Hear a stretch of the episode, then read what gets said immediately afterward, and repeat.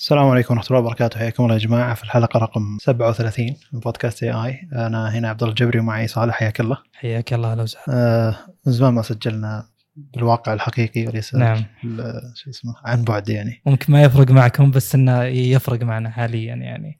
آه طيب الحلقة اليوم مشوقة وكلها الموضوع الأخير هو اللي بيكون موضوع مطول فالمواضيع الأولى بتكون زي اللي موجزة نوعا ما. آه أول خبر اللي هو آه متصفح كروم يضيف ميزة أنك تقدر آه تدخل على المواقع اللي أنت مسجل آه، الكلمات السرية حقتها على ال Gmail حقك بالبصمة. فبدل ما إنك أنت بس تدخل المتصفح كروم حقك مباشرة ثم تدخل على أي موقع ال Gmail حقك حافظ الموقع السري حقه فيقول لك بس إنه خلاص أنت تبي تضيفه أو تبي تسجل الدخول فتسجل الدخول مباشرة. أضافوا ميزة أمان جديدة. متصفح كروم إنك أنت بس يطلب البصمة منك علشان يدخل الارقام السريه حقتك بشكل مباشر ثم تدخل على الموقع اللي أنت مسجل فيه وحافظ فيه كلمات المرور حقتك آه، على الجيميل حقك. فخطوة ممتازة جدا. من متصفح كروم آه، يمكن آخر شهرين آه، قاعد تجي تحديثات عجيبة وتكلمنا عنها يمكن ثلاث حلقات. كل ميزة قاعد نشرحها بشكل مفصل والميزات هذه قاعد يضيفونها بتحديثات كذا على شكل بسيط. فزي اللي ميزة أصلا ما نطلبها ثم تجي ميزة ما نطلبها وما نفكر فيها ثم تجي الحلقة الماضية واللي قبلها تكلمنا عن مزايا أصلا ما نفكر فيها ولا نتوقع إنه في احتياج لها لكنها آه، توصلنا. فايش رأيك بالميزة هذه؟ آه، أنا مثل ما قلت لك قبل البودكاست انه أمس صادف إني استخدمت هذه الميزة. آه، جيت بسجل دخول على eBay وقال لي آه، جاني زي ما تقول اقتراح ولا pop up يعني من كروم إنها تقدر تسجل دخول البصمة تبي تفعل هذه الميزة. وفعلتها و يعني وطبعا حطيت البصمه ودخلت على طول آه، بدل ما أني آه، أسجل دخول عن طريق حسابي بجوجل بعدين أنا حاط أكثر من خطوة تحقق فالموضوع ياخذ وقت ومزعج البصمه ما أخذ مني تحقق ولا أي شيء آه، على طول خلاني أدخل. ف يعني إحنا جينا من مرحلة إلى أنك تدخل إيميلك بعدين تدخل password بعدين جينا لمرحلة أنك في autofill حق جوجل اللي هو التعبئة التلقائية. بعدين مرحلة البصمه الآن يعني ال ease of use هذه طبعا لها تقييم آه، مثل ما ذكرنا أكثر من مرة. يعني هذا ما هو مجرد آه، كذا ميزة إضافية. هذا آه، مسؤولين UI UX user experience user interface لهم طريقة بقياس هذه الأشياء. يعني وسهولة الاستخدام تعتبر عامل مهم جدا. يعني لدرجة أن سهولة الاستخدام بالنسبة لي تحدد ما أني إذا ابى ادخل للموقع هذا عن طريق المتصفح أو أحمل التطبيق حقه. أكيد. تفرق معي. أو ممكن أحيانا أتثقل أصير يعني أقول هذا الموضوع بياخذ مني وقت أو بيثقل علي. فأكيد انه له أهمية وجوجل ما يحتاج يعني من هالناحية. أكيد انه أتوقع إنها الأفضل يعني. لأن أنا يعني الفترة الماضية حاولت إني أستخدم Firefox ولا زلت نوعا ما أستخدمه. في ميزات مدعومة بكروم لأنها من كرو من جوجل عموما. زي مثلا التصفح بالصور أو بال اللي هي فيها ال horizontal view اللي هو حق الأخبار الصور وكذا. هذا مدعوم بشكل مباشر بكروم بينما ب Firefox آه، أحيانا ما يطلع لك غالبا أصلا ما يطلع لك م. شيء ثاني في إعدادات زيادة على هذه آه، حقت طريقة البحث وكذا ما تطلع لك ب Firefox حق الجوال طبعا أتكلم فهذه بالنسبة لي تعتبر مشكلة وبالإضافة إلى أمور أخرى زي آه، أحيانا الموقع ما يلخبط بين الموبايل ولا desktop. زين؟ آه، أكيد إنه يمديك تضغط الثلاث نقاط هذه وتحدد إذا تبي desktop site أو لا أو لا. بس أحيانا وأنت على الموبايل يصير في جزء مقتطع مقصوص من. الموقع اللي أنت فاتحه. ممكن تكون مشكلة من الموقع أو من طريقة البرمجة يعني اللغة المستخدمة ال framework ممكن. بس إنه بشكل عام تجربة كروم أفضل من هالناحية. أنا حاولت أستخدم Firefox آه، عشان أتفادى أمور كوكيز وغيرها. آه، لأني ب Firefox ما دخلت آه، حساب. يعني مثلا مثلا من المواقع اللي تعتبر نوعا ما scam من هالناحية اللي هي AliExpress إنه. يعني بس تدخل تبي تبحث عن شيء معين استعد إنه بيجيك من كل مكان. كل إعلانات جوجل وغيرها. فأنا استخدامي ل Firefox كان عشان هذه الناحية بالتحديد. وفادني نوعا ما من هالناحية. آه عشان كذا أعطيته حقه من الاستخدام. يعني ما هو من الأشياء اللي مثلا أنت خلينا نقول تستخدم جوال معين مثلا خلينا نقول Android. زين؟ ثم جيت تبي تستخدم iOS ترى ما راح تعطيه حقه لأن إذا مليت تتركه وبترجع لل... فهمت؟ أنا حاولت ألقى لي نقطة تجذبني أكثر إني أستخدم Firefox. واستخدمه بشكل يومي فعلا أستخدمه بشكل يومي. تقريبا لي شهرين الآن. آه، الحق يقال يعني كروم قاطع شوط أطول ودعم جوجل نفسه من ناحية إنه محرك بحث يساعد Chro- Chrome أكثر وأكثر غير أنت كان لك تجربة مع Samsung Pass إيه إيه وش فرق التجربة معنا اللي قابلتها امس مثلا؟ آه. هل نفس الطريقة نفس السرعة إن طلب البصمه وقال لك يلا خلاص دخلت؟ بالنسبة لي آه، كأمان أنا مستغرب هذا الشيء بس إن Samsung Pass أفضل لأنه يطلب مني البصمة مم. آه، بينما جوجل لا يقول لي autofill حتى حسابي البنكي ما عنده مشكلة يعني مم. هذه أنا مستغرب منها شيء غريب صراحة آه، جوجل أظن جوجل يعتمد على إنك أنت مقفل جهازك من الأساس يمكن. ف... أنا أقول لك يمكن عنده حركات زي كذا بس أقصد هذه الميزة قد تضاف الحين إلى أي شيء قبل ال autofill إنه خلاص يطلب منك البصمة يمكن الحين بس بكروم لكن ممكن إنه يكون على كل التطبيقات أو على. أي مكان يكون فيه لأن. حتى أصلا أسرع من إنك تضغط على الحقل بعدين تضغط مم. لأن هذا ال Samsung Pass أنا كان ظاهر فيه خيار إنه يطلع لك اقتراح على طول بدون ما إنك تضغط. كذا تطبيقات البنوك الحين عندنا في السعودية بدأت تتطور آه،. يعني. أغلبها بدأت تطلب البصمه فيها بصمة بعضها فيها الأوتوفيل فيها ان الرسائل إذا وصلت لك هو يعبيها بشكل مباشر هذه جت وانقطعت عشان سبب أمني بعدين إيه، رجعت صح؟ جو- جوجل إيه. كانت تطلب منهم إنهم لازم يطلبونها بشكل معين علشان تعطيهم اياه مم. فتاخروا شوي لكن الحمد لله إنها وصلت. في تطبيقات بنوك ت- تعتمد على البصمة وما عندها مشكلة فيها لكن في تطبيقات للحين ال- ال autofill العادي. فبالنسبة لي يعني لو جوجل تطبق البصمة بشكل مباشر يكون آمن لنا حتى لو البنوك ما استخدمت ال- البصمة يكون أفضل. يعني هو أتوقع خطوة أولية أن ال autofill بدالة البصمة داخل متصفح كروم ثم أتوقع إنه يعمم حتى على النظام يعني. في نقطة تخص اللي هو إذا جيت آه، تبي تسجل دخول أو جت لك رسالة من البنك مثلا اللي هو two factor authentication ألاحظ بين البنوك إن في طريقة معينة تختلف بصياغة الرسالة. فأنا أتوقع أتوقع أن في standard مثل ما قلت أنت. اي جوجل لا. شرحته كامل ترى. حتى المستخدمين العاديين مطورين. عاديين اللي يبي يطلب بس ويقول لنا على أساس ذا. مم، ممكن يكون مثلا الكود بالبداية أو شيء زي كذا. لأن أذكر في أحد البنوك ما إذا جت لك آه، جاك الإشعار كبطاقة يعني ما يطلع فيه الكود لازم تكبر. فأتوقع أنهم قاصدين طبعا هذا الشيء. طيب آه، خلاص ننتقل للموضوع اللي بعده. مم. آه، اللي هو إن LG بدأت تزيد الإنتاج لشاشات ال OLED TV تحديدي الشخصي يعني إن سامسونج ما قاعد تصنع شاشات TV OLED وما في إلا مصنع واحد يمكن في مصنع ثاني. كمصنع ما في LG مصنع شاشات بس في شركات. OLED كبيرة اللي هي TV ما هي شاشات ال OLED اللي على شا- الأجهزة الذكية. ف زي اللي الحين توجه توجه إحنا شرحنا ال OLED وال QLED باشكال كثيرة على حسب استخدامك يفرق انت وش تحتاج بالضبط وقد يكون آه، تجي شاشة تجمع الاستخدام كامل. يوم تكلمنا على QD OLED فلما تجي أي شركة ثانية طبعا شركات تشتري ال panel من من المصنع الشركات المصنعة. ف زي اللي الحين ما في OLED مصنع OLED شاشات TV كبيرة إلا LG. ومع ازدياد الناس قعدتهم في البيت وذا يحتاجون شاشات أفضل. والتسويق شاشات ال OLED خاصة داخل أمريكا يعتبر جدا قوي. QD للحين آه، يمكن يتوجهون له اللاعبين يتوجهون له الناس اللي يبون refresh rate عالي أكثر من إنه يحطها بغرفه مظلمة مثلا. إحنا شرحنا فرق الاستخدام عموما. آه، ف LG زادت الإنتاج على حسب توقع زيادة الطلب وحتى من الشركات الثانية مو بس لها هي بس. ف زي اللي قد يكون قد يكون نجاح مؤقت قبل لا تجي سامسونج مع تقنية QD OLED اللي شرحناها أول.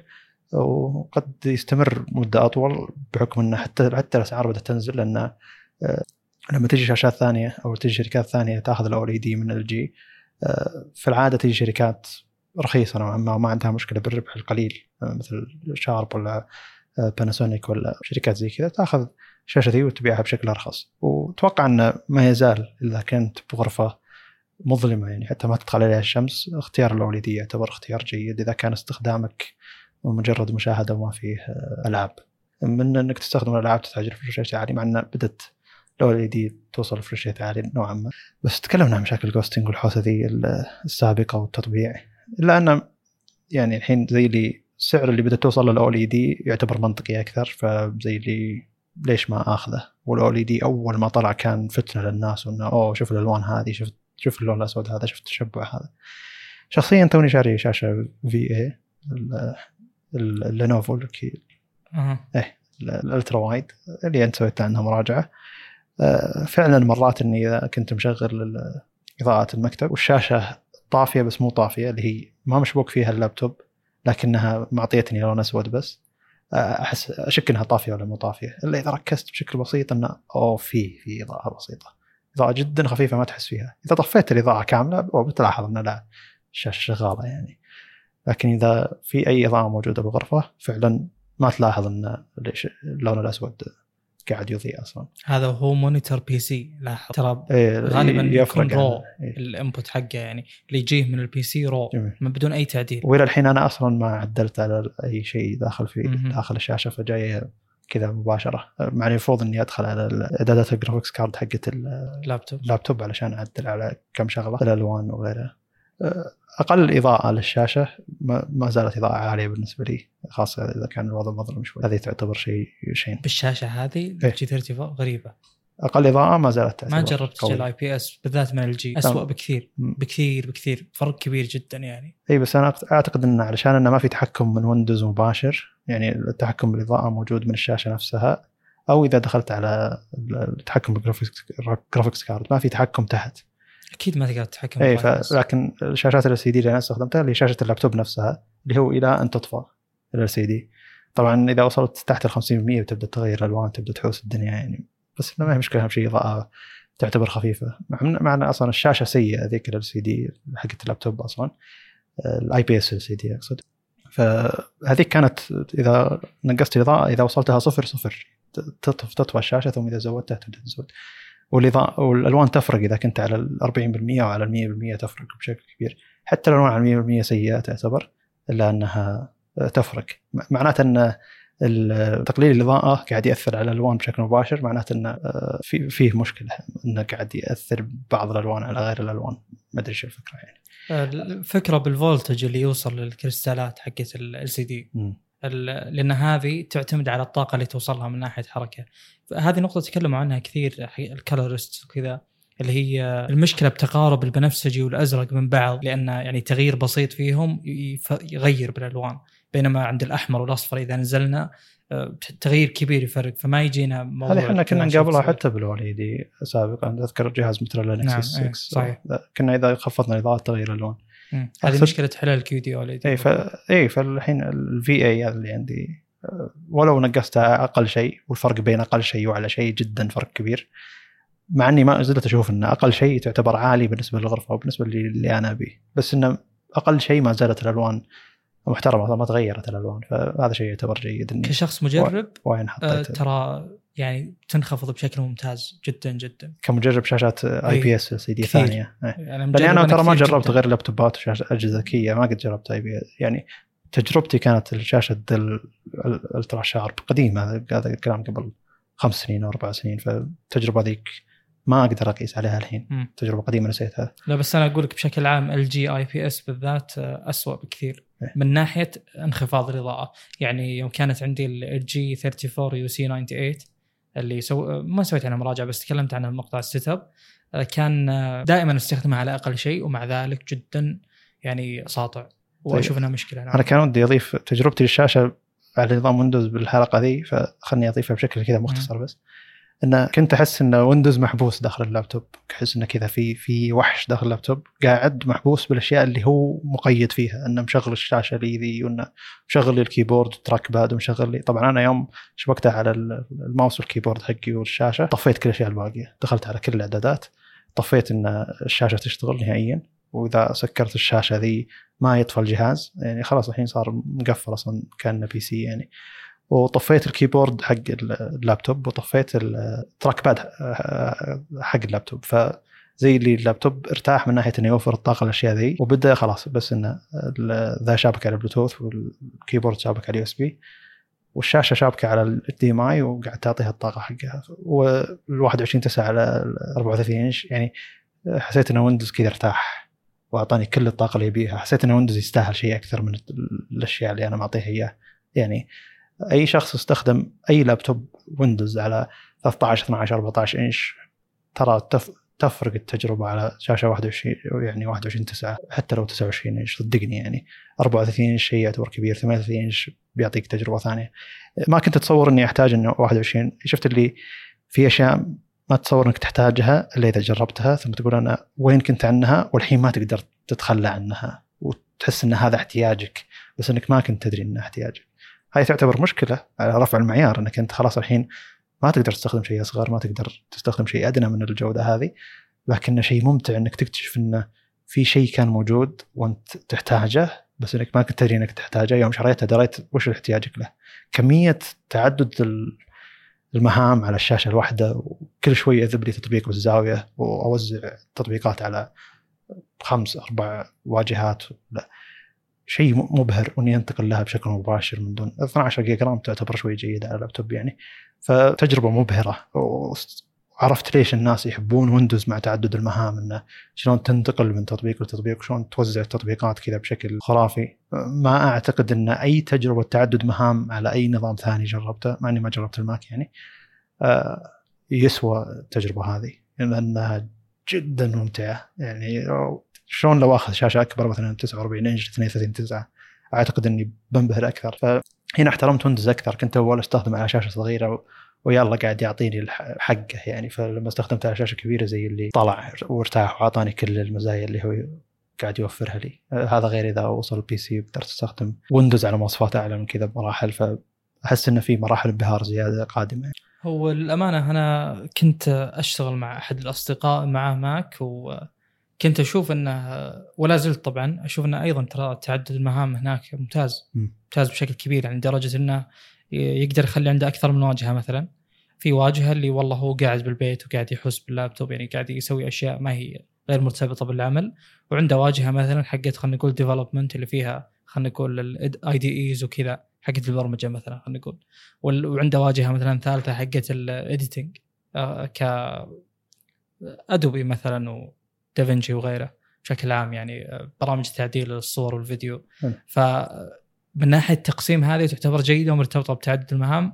آه، يعني إذا جيت تروح للواجهة ذيك الخلفية تتغير الأشياء الموجودة فيها تتغير ويعني أشياء كثير تتغير.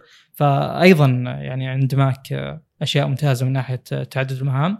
أذكر هذه الميزة كنت دورت عليها ولقيتها موجودة بويندوز. آه، طلع يعني يعني كأني حكمت على ويندوز إنه ما في هذا الشيء اللي هو تعدد الواجهات بس طلع فيه لكن الوصول له مو واضح لأي مستخدم. لازم له تطبيق أذكر. لا لا مو لازم. هذه اللي أكثر من واجهه مو لازم. آه. يمكن آه أكثر وقت ما أكثر من desktop تقصد كامل. اي اي معروف هذه. اي اكتشفت إني ما كنت أستخدمها.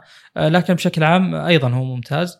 آه في نقاط بناقشها أخرى يوم ذكرت أنت آه اللي هو مبيعات ال OLED آه، بالنسبة لي مثل ما قد تكلمنا الظاهر من قبل أن ما أشوف إن الفئات هذه التنافس فيها مباشر. يعني أحيانا توصل أو تكون معك ميزانية معينة ما تسمح لك مثلا تأخذ إي تي تأخذ آه، مثلا QLED أو إن الميزانية هذه ما تسمح لك تأخذ يعني أو لو تقدر تأخذ بتأخذ OLED قديم.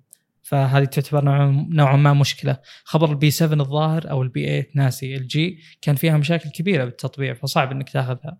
فلا زلت يعني عند هذه النقطة اللي هو إن الصراع بين كيو إل دي واول دي بالتيفيز ما هو ذاك يعني ما هو زي ما نتصوره لأنهم ما هم مباشرين ببعض. يعني هو النقاش بينهم نقاش وش أحسن أو إل دي ولا كيو إل دي؟ ما هو نقاش آخذ من سامسونج ولا آخذ من لأن في أكثر من يعني موفرين هذه الشاشات. آه، يعني مثلا LG الآن صارت بشكل رسمي تعطي هايسنس اللي هي شركة صينية هنا الدلالة إن آه، انتشار ال OLED للشركات الثانية هذا بيضعف ال IPS القديم وال backlight اللي ما قبل ال QLED إيش كنا نستخدمها IPS كانت standard يعني. إيه بس أقصد إن هذا بيوخر الشركات الرخيصة عموما اللي تستخدم ال IPS لا. OLED بتخفف ال IPS بالعكس الآن اللي صاير سوني عندهم فئات VA وعندهم فئات IPS فئات ال VA أحسن بكثير. ما عندي مشكلة بس أنا أقصد إن مثل شركة شركات صينية مثل ونسا وهايسنس ولا ال IPS اللي يستخدمونها الرخيصة القديمة اللي هي بس تقدر تخليهم يبيعون شاشة ب 2000 1500 ريال. لو يجون ويأخذون ال OLED بما إنها بدأت ما يقدرون. ترخص يعني. ترى في في اي في في اي كيو ال اي دي في اي العادية سعرها جدا بالمتناول مم. جدا جدا بالمتناول يعني مثلا جت فترة ب 3000 ريال تاخذ 65 إنش VA اللي هي ال NU7100 من سامسونج أشوف إنها خيار ممتاز ورخيص جدا مم. 65 لو بتاخذ منها ال 55 بتكون تقريبا لا 2500 بس أنت ما رحت السوق VA. الأرخص الارخص جدا الأرخص أشوف إنه في مشاكل صراحة لأن في مصنعين كثير الظاهر هو. ما هو زي ال VA ال VA تقريبا حصر لسامسونج سواء QLED ولا بدون أقصد عبارة عن شريط زيادة بس. الإنتاج من LG عموما. أتوقع أنه بيرخص السعر ال panel حقت ال OLED. وبيخلي الشركات الصينية الرخيصة جدا. هذه ممكن تفكر أختلف. بال OLED بدل ما أتوقع صراحة أبد. أنا أقول لك اللي بياخذ مكان هذه الفئات سامسونج. بال VA العادي اللي هو ال X X900F ظاهر من سوني. هذه كانت من ضمن الخيارات قبل لا اشتري ال Q6CR. طبعا أنا دقيقة ال Q6CR ترى ما ما أقدر بالميزانية هذه أشتري OLED ابدا. صعب جدا الموضوع الا أشتري مستعمل فأقول لك مو يعني التنافس بينهم مو اصطدام مباشر يمكن بس بالفئات الأعلى اللي هو Q9 المشكلة. إحنا ما عارفين إحنا مو عارفين ال OLED اللي زادت إنتاج LG هل هو ال OLED حقهم القديم ولا ال OLED حقهم لا الجديد؟ طبعا الجديد أكيد الجديد بس أنا خلينا نقول يمكن زادوا الفئات يمكن يمكن يمكن عندهم أسلوب سامسونج اللي هو مثلا ال Q60R حقتي اللي هي 2019 ال 2020 ال Q70 منها نفس ال panel إيه. فهمت؟ آه نظامهم آه آه انه إذا جاني جيل جديد يعني مثلا مثلا ب 2020 ال Q60 حقت 2020 تعتبر فئة أقل حتى من ال Q60 حقتي R فهمت؟ جميل. فهم قاعدين ينزلون بالفئات طبعا هذا شيء سيء يعني المواصفات قاعد تقل يعني تاخذ الشيء الأقدم أفضل آه، لكن آه، يعني قاعد يصير في نزول بالفئات نوعا ما فمثل ما قلت أنا اللي بيوصل الفئات الأدنى هو الفي اي متأكد أنا تقريبا من هذا الشيء جميل. يعني استغربت إن آه، سوني نفسها آه، تاخذ في استغربت جدا تاخذ من سامسونج يعني يعني أنا ترى بالنسبة لمبيعات الشاشات عموما يعني الشاشات الرخيصة اللي أقل من 2000 ريال هذه اللي منتشرة بالسوق وصينية وكل واحدة لها اللي الناس اللي يشغلون الأخبار ويخلون الشاشة تشتغل 40 ساعة أظن هذه أكثر مبيعا من أي شاشات ثانية يعني. خاصة. بسوق الشرق الأوسط فأنا أتمنى إن هذه الشاشات توصل بجودة ممتازة بحيث انه. ما هم شاء الله في ملاحظة غريبة صراحة. فتحت آه، شيكت على سوق ال TVs مؤخرا. شفت ان TCL بينزلون QLED مم. فبدأ ينتشر ال QLED ترى أمر ممتاز صراحة يعني بشكل عام لل TVs إنه ما يكون حصر على سامسونج. اي يعني في جميل. فأنا أقصد. آه، إنه ممكن إنه إلى الحين ما هم قادرين يأخذون QLED فممكن خيار OLED بعينهم جيد. لأن ترى التسويق لل OLED شيء قوي جدا. نعم أتفق. من ناحية بالذات أمريكا. يا أخي مو طبيعي والله. اي فلو حتى تجي شركة صينية مثل وانسا ولا هايسنس زي ما شو اسمه تحط OLED على أي شيء وتبيعه ب 2000 ريال حتى لو تأخذ OLED قديم. لأن التسويق للاسم ذا يكفي يعني ممكن تبيع أكثر. يعني ترى تسويق LG مثل ما قلنا قبل الحلقة آه، يعني يجي شخص YouTuber يعني عنده مشتركين كثير بس إنه يصور مثلا بيته تشوف إنه عنده تسع تلفزيونات LG مثلا. كل سنة يعطونا شيء وطبيعة ال TVs عمرهم أطول فيزيد عند الموضوع. يعني إن أتكلم انهم ما عندهم أي مشكلة إنهم يسوقون ذا المنتج بالطريقة هذه. سامسونج أنا ما قد لا ما قد شفت أي شخص آه، مسوي استعراض الشخص غير مختص بالشاشات يعني غير قنوات زي RTINGS وغيرهم. آه إنه يعني جاية هذه الشاشة ويبي يستعرضها. نعم. يا رجل آه يعني شاشتي اللي هي ال CRG9 أذكر المراجعات اللي شفتها شفت ثلاث أشخاص. طبعا تسويق تسويقها الأمريكي سيء جدا. آه ثلاث أشخاص هذول كلهم قالوا آه إحنا حزينين يعني يجيك بالاخير يقولك أنا حزين أني برجع الشاشة الحين. تخيل. شاشة زي هذه هو اللي قال سامسونج بسوي لها مراجعة وأعطوه إياها وبعد المراجعة قالوا رجعها. إيه. فهمت؟ فما في دفع أصلا ظهر للتسويق. قطاع ال monitor أفضل عندهم. سام- سامسونج قطاع ال monitor هذا هذه monitor. TVs أنا ما قد شفت شيء. ال monitor رجعوها الاوديسي ذي. نعم. لا. مو الأوديسي ال CRG9 الاوديسي الآن أنا أشوف إن نقطة قوتها ترى مو المواصفات المواصفات نفسها. يعني بس آه، وهذا شيء ودي أذكره الآن اللي هو زادوا شيء اسمه DSC display أو مدري وش شيء كذا آخر شيء compressing C يعني compressing فهي ما هي display port 2.0 ولا HDMI 2.1 بس انه استخدموا شيء تقنية موجودة بال RTX كروت انفيديا الأخيرة تخليهم يقدرون يوصلونها 240 آه، طبعا على 8 bit و 5120 ب 1440 مو ب 340 ب 1080 فيعني هذه كانت تقريبا شيء يعني تعاون خلينا نقول بين الشاشة والكرت اللي تقدر تخليه يوصل هذا الشيء. اللي جابنا للطاري إن تسويق الاوديسي جي 9 هو اللي خلاها تنتشر بهذا الشكل. ما كان في كلام عن ال CRG9 والحين فجأة صار كل الكلام عن الاوديسي جي 9 الآن هم بس يعني اللي سووه انه فتحوا خلينا نقول حد الفريمات هذا ال 120 صارت 240 وباقي الفلوس راحت للتسويق. فالتسويق هو اللي قاعد خلينا نقول يعطي فرق. لا، حتى حتى أسلوب التصميم وال- والأشياء اللي ما هي مهمة للمستخدم العادي لكن لما تشوفها بالمراجعات وش إيه اللي الحركة الإضاءة الزرقاء اللي ورا بس من قدام التصميم وال... ما في ولا نفسها. فرق إيه. من ال... مو من شاشتي ال CRG9 من لا بس تلقى تشوف كل المراجعين مركزين على ان بالضبط. شوف الشيء ذا اللي ورا تحسه مستقبلي وما تحط ما تحتاج. تحط RGB ورا يعني كل أشياء تسويقية بينما يعني أعطني زي شاشة لينوفو ما فيها شيء panel محترم سعر ممتاز وخلاص السلام عليكم. صحيح. إي لا هذه يعني شيء مستفز تسويقيا يعني زي ال CRG9 اعطني ذي الشاشة نفسها من دون أي اكسسوارز حقتك. اعطني display port وخلاص. ونقص سعرها هذا الشيء نبي. ولا تجي لينوفو تسوي الشغله ذي بعد ثلاث سنين.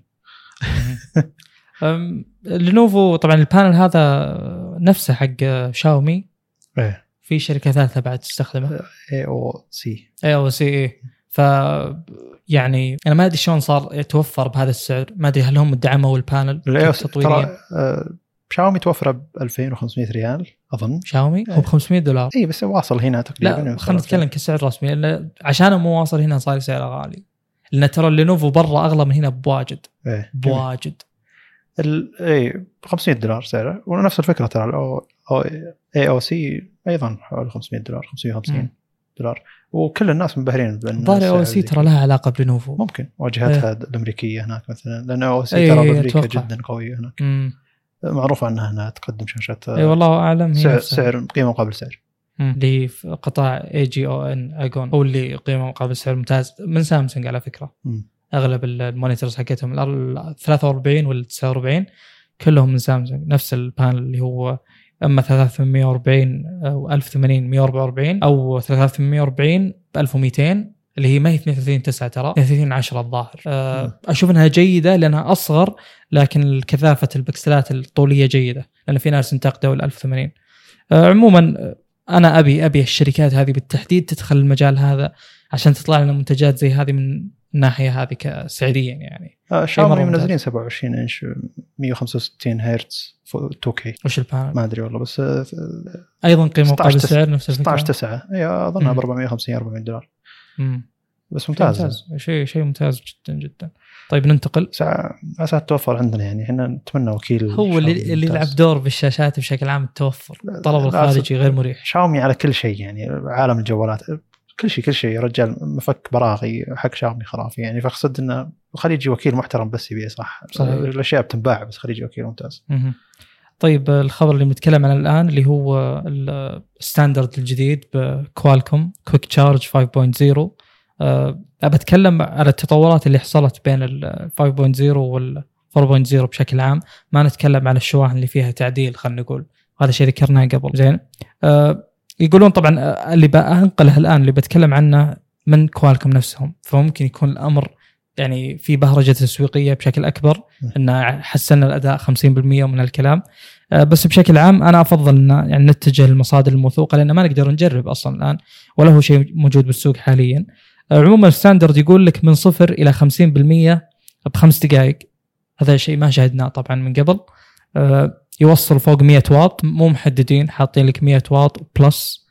آه، تقنية سموها dual charge technology يعني بناء على الاسم طبعا ما في معلومة أكيدة.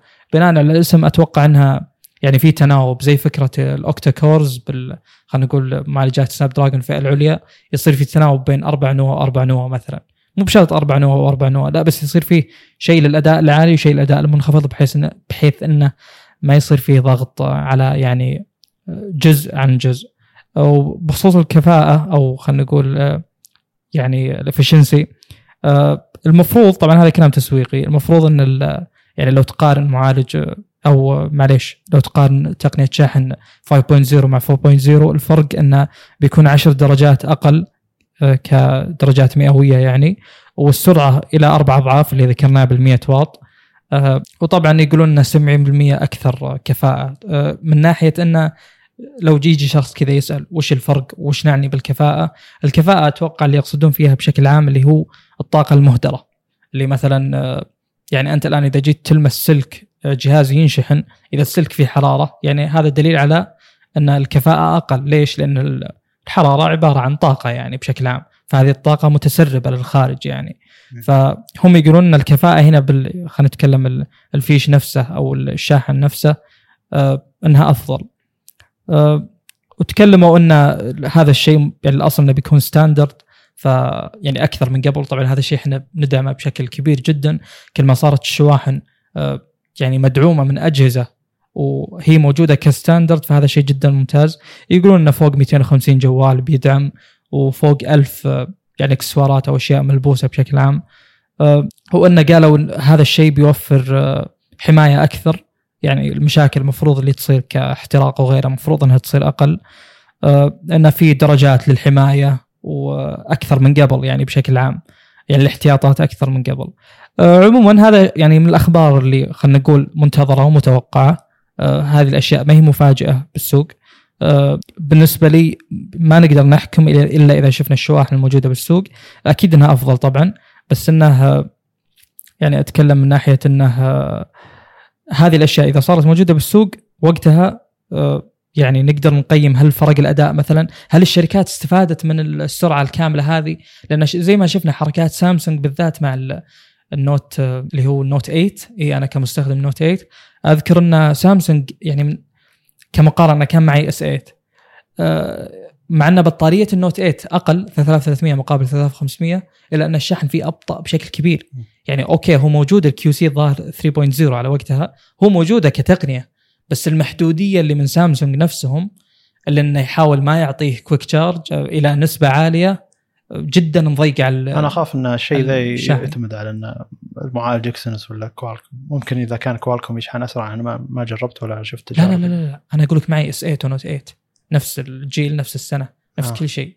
ال Note شحنه أبطأ بشكل واضح جدا يعني. جدا جدا واضح. يعني يحاول يضيق على الشاحن. فأنا أقول لك هذه الميزات على الورق موجودة صح؟ بس يمكن على أرض الواقع مو كل الشركات تقول يعني ممكن تجيك شركة تقول أنا ما ودي أجازف مثلا موضوع بس لو تفكر فيها Note 8 ترى كان ردة فعل من Note 7 بالضبط. أنا هذا اللي أقصده حرفيا هذا اللي أبي أوصل له.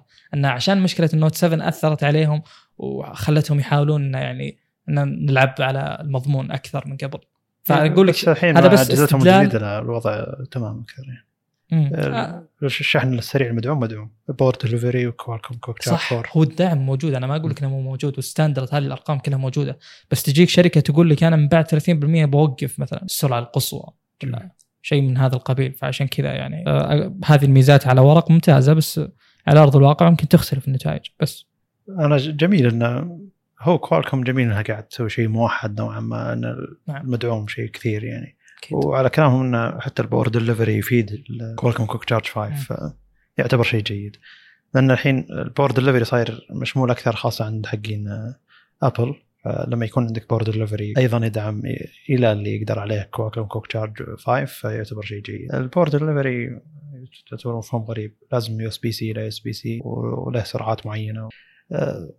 ال laptopات أيضا تحتاجه أجهزة Apple تدعمه وأجهزة سامسونج تدعم power delivery لكن مو واضح ال power delivery كثير زي وما قاعد يتقدم بشكل أسرع زي ما قاعد يتقدم آه، بقاء بقية الشركات في الشحن السريع والشركات الصينية قاعد تسبق حتى Qualcomm فما ندري إيش بيصير. آه، عموما إنه آه، يعني أنا أنا من الناس المستخدمين OnePlus اللي عندي warp charge أو مثلا dash charge سابقا.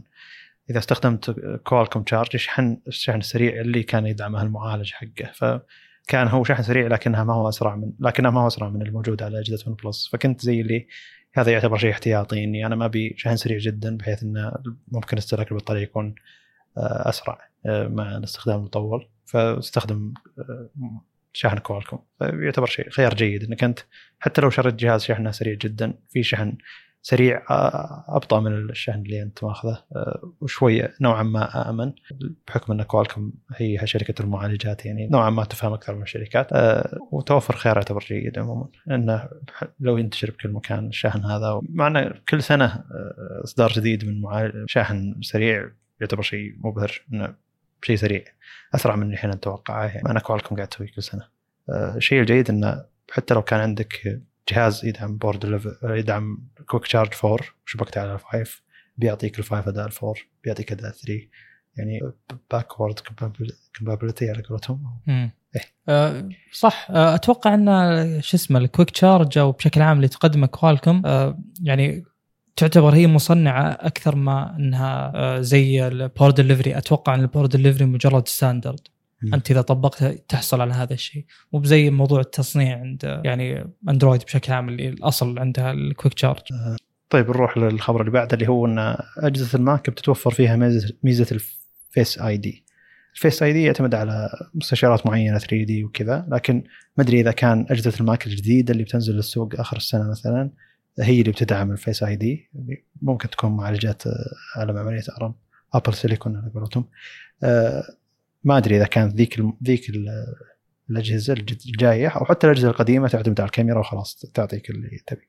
بس لو إن ال Face ID يعتمد على الكاميرا ويعطيك الأداء اللي تبي كان دعم أجهزة iOS القديمة. فأنا في حيرة من أمري انه هل بيدعمون ال Face ID بنفس الأمان معيار الأمان حقهم اللي هو إنه يأخذ الوجه كاستشعار 3D علشان يعرف هل هو هذا فعلا ولا لا. فما أدري. هو بيدعم أجهزة ال Mac لكن ما أدري إذا كان الأجهزة الجاية الجديده اللي المفروض يحطون فيها مستشعرات 3D زي موجودة على ال iPhone. ال iPhoneات الجديدة. أو يمكن يصير زي زي Windows Hello يعني يعتمد على الكاميرا وخلاص يعرف وجهك ويدخل. مع إن هذه مو من طبع Apple لأن ما تحب الأشياء ذي من ناحية الأمان ما الأمان. وهم عندهم سمعة انهم يحافظون على الأمان يعني. ف ما أدري. المفروض إنهم يضيفونها. زي تعرف على الوجه لل Mac الاجهزه اللي موجودة فيها كاميرا خاصة إذا ما فيها بصمة لأنه بيصير الدخول فيها مزعج صراحة. مع إن عندهم أسلوب المصادقة اللي هو إذا كان إذا كانت الساعة موجودة قريب من قريبة من اللابتوب الساعة تقدر تفتح فيها اللابتوب. زي اللي يجيك أمر إنه تبي تفتح اللابتوب وتضغط بالساعة إنه smart lock افتح لي Android اسمه ما أدري إيش اسمه. عنده إيه بس أجهزة Android إذا شبكت خلاص ما يطلب. مم. لكن هنا لا إنه يفتح إذا شاف. إيه لا لازم يعطيك أمر تروح للساعة وتعطيها زي الأمر إنه يفتح. smart lock ب Android انك اذا شبكت مثلا جهاز بلوتوث يقول لك تبي الجهاز هذا يعتبر زي smart lock لك. إذا قلت إيه من يشبك على الجهاز ما يطلب أي رقم سري ما يطلب تسجيل دخول أو أمر النمط اللي أنت حاطه أو البصمة حقت الجهاز ال Android حقك. لكن في أجهزة Apple خاصه بين ال Mac والساعة على حسب فهمي أنا إنه إذا فتحت اللابتوب زي اللي بيقول لك تبي تفتحها من الساعة ثم بس إنه زي اللي تضغط زر في الساعة أو تسحب سحب في الساعة يفتح لك الكمبيوتر بشكل مباشر. هذا ال ecosystem يشتغل بشكل ممتاز شيء يعتبر جيد. آه ما أدري إذا إذا كان الأجهزة المستقبلية أو الأجهزة الماضية. آه مع إنها ميزة هي تس يعني بالنسبة لي منطقية أكثر من إنها تكون على الجوال. لأن اللابتوب إذا انفتح يكون بوجهك بشكل صح. مباشر وعادة يكون بمكان مضيء Windows Hello لأي شخص جربه يعرف مدى سرعته وعملية يعني صراحة Windows Hello يعتبر جدا عملي إنك أنت بس تفتح اللابتوب ما يمديه يشتغل يفتح لك بشكل مباشر لا تحط مو لازم الجهاز يكون فيه بصمة مو لازم الجهاز يكون آه، تحط عليه رقم سري يعني أو بالرقم السري حقك. أنا استغربت من موضوع الكاميرا بشكل عام بغض النظر عن ال Face ID أو غيره أن في شخص سوى مراجعة لأحد اللابتوبات ال G14 Zephyrus آه، قال أن أنا ما أقدر أتحمل استخدم الجهاز بدون كاميرا. إيه؟ أنا قلت كاميرا بلابتوب. كثير. طلعوا عشان يقصدون Windows Hello Windows Hello فأنا كشخص طبعا هو اللابتوبات مو منتشر فيها بشكل كبير جدا موضوع البصمة. بدأ ينتشر مؤخرا بس لا زال يعني مو بالشيء اللي توقعت توقعت إنه يصير standard زي الجوالات. الحين تقريبا ما في جوال اندرويد ما في بصمة. نادر جدا جدا جدا حتى الأجهزة الرخيصة. ف فعلا تفرق معهم. يعني تقريبا ما في لابتوب ما في كاميرا. يعني اللابتوبات اللي فيها كاميرا أكثر من اللابتوبات اللي فيها بصمة. أتوقع والله أيوه أعلم. عشان كذا يعني تفرق فعلا. لو مثلا أنا كان عندي ال MateBook Pro لو ما, لو ما كان في بصمة كنت أحتاج الكاميرا أكثر. م. بس الحين بما أنها تخفى في زر يعني آه، جهازي اللابتوب يعني لينوفو الجديد فيه بصمة. لو ما في بصمة احتجت الكاميرا أكثر مع إن البصمة فيها بس الكاميرا فيها بس ال slider فوق يسكرها ويفتحها فيعتبر شيء جيد. اهتمامهم بالأمانة وإنك تقدر تغطي الكاميرا بدون لصق. طيب ننتقل. ننتقل. هذا الخبر الأبرز أو يعني النقاش الأبرز في هذه الحلقة واللي طبعا ترى لنا أكثر من أسبوع نسولف فيه آه، بيننا. فحاولنا ما نحرق جزء من النقاش نخليه بالبودكاست. آه، لكن يعني حاولنا قبل لا نبدأ عشان بس نقلل التشتت في النقاش إن نتفق على النقاط اللي أو نحاول نزيد الاتفاق عشان ما يصير فيه خلاف بس يزيد وقت. آه، عموما هو ال a7S Mark 3 إذا ما كنت تهتم بالكاميرات يعني ممكن يكون النقاش نوعا ما متعمق. آه، لكن بشكل عام خلينا نبدأ. آه، أول شيء نزلت ال a7S Mark 3 من بعد خمس سنين من ال a7S Mark 2 تعتبر فترة عادية يعني جدا. خمس سنين بين إصدار وإصدار ما هي مشكلة. اللي تكلمنا عنه قبل نقطة إن الكاميرات الباقية ما عوضت النقص الموجود. يعني ال a7S Mark 2 كانت ممتازة على ذاك الوقت بس الكاميرات اللي جت بعدها ما حلت مشاكل خلينا نقول عمق البت مثلا أو 4K 60 frame. فهذا اللي كان العتب بشكل عام على سوني إنها ما قدمت شيء يعوض لا ال a9 ولا ال a9 Mark 2 ولا ال a7R اللي ما لها دخل نوعا ما ولا ال a7 3 جت ال a7S اللي هي الأصل إن الأفضل بهذا المجال اللي هو خلينا نقول الفيديو بشكل عام. المواصفات طبعا لو أذكرها بشكل عام آه، يعني بنطول بشكل كبير فما له داعي نذكر كل شيء. آه، خلينا نذكر أول شيء بالبداية ان الكاميرا هذه المفروض إنها يكون فيها full frame على كل ال format سواء 120 60 30 على كل شيء بتاخذ full frame بالأصل. آه، في حالة وحيدة بس ما يصير فيها full frame اللي هي إذا شغلت المثبت المثبت البصري. هو جزء منه hardware جزء منه software الجزء ال software لازم يعطيك 1.1 بالنسبة لي ما عندي أي مشكلة من هذه الناحية لكن خلنا من وجهة النظر. آه، طبعا أكيد إنها E-mount زي الموجود قبل. آه، ال sensor مستشعر يفرق آه، لكنه كفوتو هو نفسه لا زال 12 ميجا بكسل. اللي بياخذ هذه الكاميرا غالبا ما يهمه الفوتو. أنا ما عندي أي مشكلة من هذه الناحية. أمور أخرى خلينا نتكلم بشكل عام. إحنا بنركز على الفيديو لأن هذا الأساس بهذه الكاميرا. بتصور لك أعلى شيء تقدر عليه اللي هو 4K 120 frame 422 10 bit 422 تعتبر شيء أفضل من الموجود سابقا 420 سابقا كان الحد الأعلى بال a7S Mark 2 اللي هو 8 bit 420 4K 30 frame. في ما قد ما قد شرحنا ال 422 أو ال 420 ال subsampling ما تكلمنا عن chroma؟ ابدا. ابدا, أبداً. آه عموما عموما الأصل إن الألوان آه يعني فيها جزئين جزء آه كسطوع وانخفاض brightness وجزء ك saturation الالوان نفسها RGB زين؟ ما راح أدخل بتفاصيل لأن الموضوع بياخذ وقت النقاش نفسه بياخذ وقت. الأصل إن الألوان تصير 444 هذه يعني الجودة كاملة. زين؟ الأرقام لو قلت الثاني والثالث لو قلوا يعني إنه في ضغط في compression compression إيش يسوي؟ بدل ما يصير عندي خلينا نقول أربع ألوان مختلفة أحاول آخذ المعدل الوسطي بين أول اثنين وثاني اثنين مثلا. فالأربع الألوان أخليها لونين فبيصير في ضغط. وهذا اللي يسبب ال banding بشكل عام للي يعرف ال banding اللي هو إن الالوان تحس إنها متكسرة مو ماخذة تدرج ناعم يعني تدرج فيه خشونة شوي. هذا في اذا شفت أي واحد باليوتيوب والخلفية حقته واحدة واللون بس إنه gradient إي من إنه يكون ساطع إلى إنه يختفي أو يصير أسود تلقى تشوف تكسر بالألوان تصير زي كذا مربعات. هذه تسببها ال 420 وتسببها ال 8 bit مرات. إي طيب عموما ففي تحسن كبير من هالناحية. الأول كان حد الكاميرا 95 ميجا ظاهر أو 100 ميجا 100 ميجا ك data rates هذه اللي هي تسجيل من المعالج إلى الذاكرة. يحتاج هذا ال bandwidth 100 ميجا. الآن آه، إلى 280 ميجا وطبعا هذا بيتغير معه يعني موضوع الذاكرة. آه، يمديك تصور أكيد 420 على التمبت أيضا. آه، في خيارات واجد لل format بس إنها اضافوا اس واس آي الظاهر بس اللي هو إكس تي إتش إكس تي الذواكر تقصد؟ لا لا لا الفورمات. امم اللي هو إكس اي في سي يجي منه الاتش اس والاس اي الاس اي من 240 ل 600 ميجا بينما الاتش اس من 50 ل 280 ميجا. طبعا هذا بناء على يعني أنت الآن عندك 4K على حسب الفريمات تختار أيوه على حسب الفريمات على نفس الريزولوشن. أه بتفرق معك اللي هو الداتا ريتس هذه. أه ف هذه بشكل عام ال format بشكل أساسي لل internal recording الحد الأعلى 422 10 bit ال external تقدر توصل إلى RAW 16 bit أو إنك تصور نفس الميزات الداخلية. هذا أه هذا 16 bit RAW خارجي هذا شيء يعتبر مبهر صراحة. أه يعني ما كنت أفكر فيه انت سوني. توقعت إنهم يعطون 12 bit حدهم بس 16 يعتبر حيل إي أه بحسب الموجود اللي قاعد اقراه الآن انه ما في خيارات غير ال 16 bit. أتكلم خيارات غير موجودة بال internal هذه بالنسبة لي أعتبرها مشكلة لكن بناقشها بعدين. أه هل في recording limit اللي هو ب 30 دقيقة؟ مو موجود وهذا شيء ممتاز صراحة. بغض النظر عن ان يمديك تكسره أو أي شيء من هذا القبيل آه هذه الأشياء يعني ما تهم نتكلم عن مواصفات الكاميرا بشكل أساسي.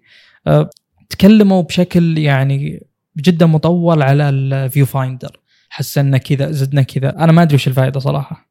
إذا تعرف فائده يعني علمني من هذا الشيء. كثير كانوا يشتكون من السابقة إن ال viewfinder ما كان يعطيهم الألوان الحقيقية. مع ال viewfinder هو المفروض إنه يعطيك الالوان الحقيقيه بس هل أنا يوم أجي أشرح لك وأقدم لك كاميرا فيديو أبى أتكلم عن ال viewfinder وأقول لك طورت فيه كذا وكذا؟ ما أدري من يستخدم viewfinder هذا هو يعني, يعني شلون تقدر أصلا؟ ما تقدر. لأن اهتزازات وغيرها من إيه، الكلام. هذا المفروض ال viewfinder ذا يحطونه على فئة ال R بالضبط. يطورون الشاشة المفروض إن إعلانه يكون بفئة ال R أصلا يعني. أيوه والشاشة هنا يحطونها شاشة أفضل بس يعني. مهم. طيب آه، في أربع منافذ الظاهر للذاكرة. اثنين CFexpress؟ هي نفس المنافذ تقدر آه، تستخدمها أي. لل- ال C يعني هي مقلوبة. إن المنفذ بالجهة ذي سي اف إكس إكسبريس أو سي اف إكسبريس والجهة الثانية SD card عادي جميل. آه، طبعا ال CF وجودها عشان محدودية ال- ال data rates آه، مفروض هذا الشيء يعوض يعني. آه، طيب الآن حتى هذه جودة ال CFexpress عموما آه، نفسها وجوده الذاكرة نفسها الومنيوم معدني يعني وتعتبر. قوية لأن المكون الداخلي كامل موجود على الذاكرة كاملة يعني التخزين هو موجود داخل الذاكرة كاملة مو زي ال SD تعتبر أكبر من التخزين اللي يحتاجه مم. فهمت علي؟ فيكون جزء منها بلاستيك والقطع الداخلية حقت التخزين ماخذة نص الذاكرة. فال SD كان مشكلتها إنها جدا خفيفة بلاستيك وقد إنها تنكسر بسرعة لكن مع ان فرق السعر جدا كبير سي اف إكس سي إف اكسبرس تعتبر غالية جدا من. الحجم الصغير جميل طيب آه، النقاط اللي بنناقشها عموما آه، بنتكلم آه، عن أنا بالنسبة لي تبي أبدأ ولا إذا عندك شيء تبي تعلق عنه؟ آه، طيب أول شيء إحنا في حلقتين ثلاثة ماضية تكلمنا عن 34 اي تكلمنا ان أنا كنت أنا كنت أبي ننتظر سوني وأنت كنت ما تبي تنتظر سوني لكن سوني تعتبر قدمت كاميرا هي منافسة ال EOS R5 و- ودي أشرح فكرة كبيرة انه كل الكاميرات ممتازة لكن كل الكاميرات فيها عيوب ما في كاميرا كاملة. ف إذا حلوا مشكلة لازم ما يقدرون يحلون الثانية. إذا ح... وفي وكل جهة فيها مشاكل. يعني حتى إذا إحنا الكاميرات اللي إحنا نحبها نوعيتها أصلا ناويين نشتريها مقابل السعر اللي هي Blackmagic Pocket Cinema Camera 4K أو 6K أيضا هذيك فيها مشاكل لكن المشاكل ذيك قد نقدر إحنا نحلها. لكن إحنا بنتكلم عن هذه الكاميرات الكاميرات هذه بتقدم لك أداء ما كنت تحلم فيه سابقا حرفيا على كاميرات بهذا الحجم mirrorless آه، لكن كل الكاميرات ركزوا على جهات فيها إحنا المفروض إن إحنا إحنا كأسلوب استخدامنا شخصيا يعني ما نبيهم يركزون على الشيء ذا نبيهم يركزون على أشياء أولى منها إنهم ما يركزون على ال viewfinder يركزون على الشاشة لأن الشاشة هي اللي تعرض المحتوى بشكل أكبر هي اللي يستخدمونها الناس اللي يستخدمون الفيديو بشكل أكبر. آه، يركزون على انهم يصورون تقدر تصور RAW داخلي بدل ما اني أروح اشتري external recorder مع إنه شيء ذا ما أدري إذا كان طبيعة مستخدمين الكاميرا هذه بس إحنا ما ندخل بطبيعة مستخدمين الكاميرا هذه تو- توفر الخيار يعتبر شيء جيد وحتى لو وفروا على شكل software بعدين إنه أضافوا إنه أو نقدر نقدر نسجل RAW داخلي الحين. آه عموما إن سوني ما زالت تقدر قاعدة تنافس وكل الكاميرات تعتبر ممتازة وأي واحد مستثمر بأي جهة بالعدسات يعتبر الخيار الأقرب له هو هذا الخيار.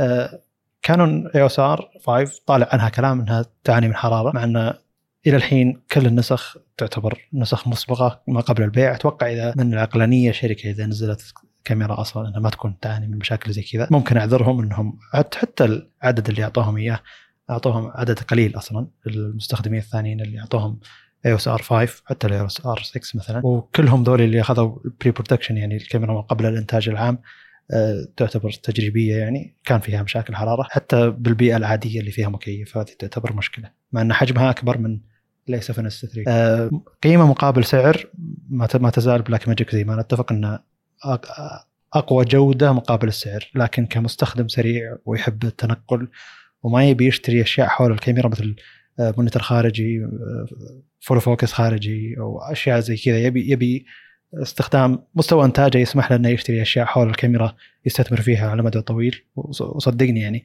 أي شخص يشتري أشياء حول الكاميرا هذه بتثبت أكثر من الكاميرا ممكن أنا أشتري Blackmagic Pocket Cinema Camera 4K الحين وتكمل معي أربع سنين لكن الأشياء اللي حولها بتا- آه،. شو اسمه الشاشة اللي تسجل الفيديو خارجية ال- ال follow focus أي شيء أشتريها خارجية هذه بتكمل مع الكاميرا اللي بعدها وهذه هذا استثمار يعتبر أكبر. فإذا أنت كنت من نوعية المستخدمين اللي يستخدمون داخل الاستديو لا تتوجه الكاميرات الصغار هذه هي بتعطيك الأداء اللي أنت تحتاجه وبتعطيك ال- ال- الأداء الخرافي اللي ما كنا نتوقعه على كاميرات صغيرة زي كذا. لكن في مشاكل ما تقدر تحلها مشاكل تقدر تحلها موجودة على الكاميرات السينمائيه طبعا Blackmagic كاميرات سينمائية المفروض إن ما نقدر نقارنها بالكاميرات ال mirrorless هذه اللي تركز على إنها تكون تسمح للفيديو والفوتو. آه، كانون إلى الحين أنا ما ودي أقدر ما ودي أحكم عليها مسبقا لأنها مع مشاكل الحراره لكن كأداء مقابل السعر اللي هو 3900 أو 3800 دولار آه، على 8K وحتى ال 4K حقها على ال HQ اللي هو تسوي له down down downgrade أو downsampling ال 4K حقها أنظف من أي 4K ثاني دام إنه يأخذونه من ال 8K وينزلونه.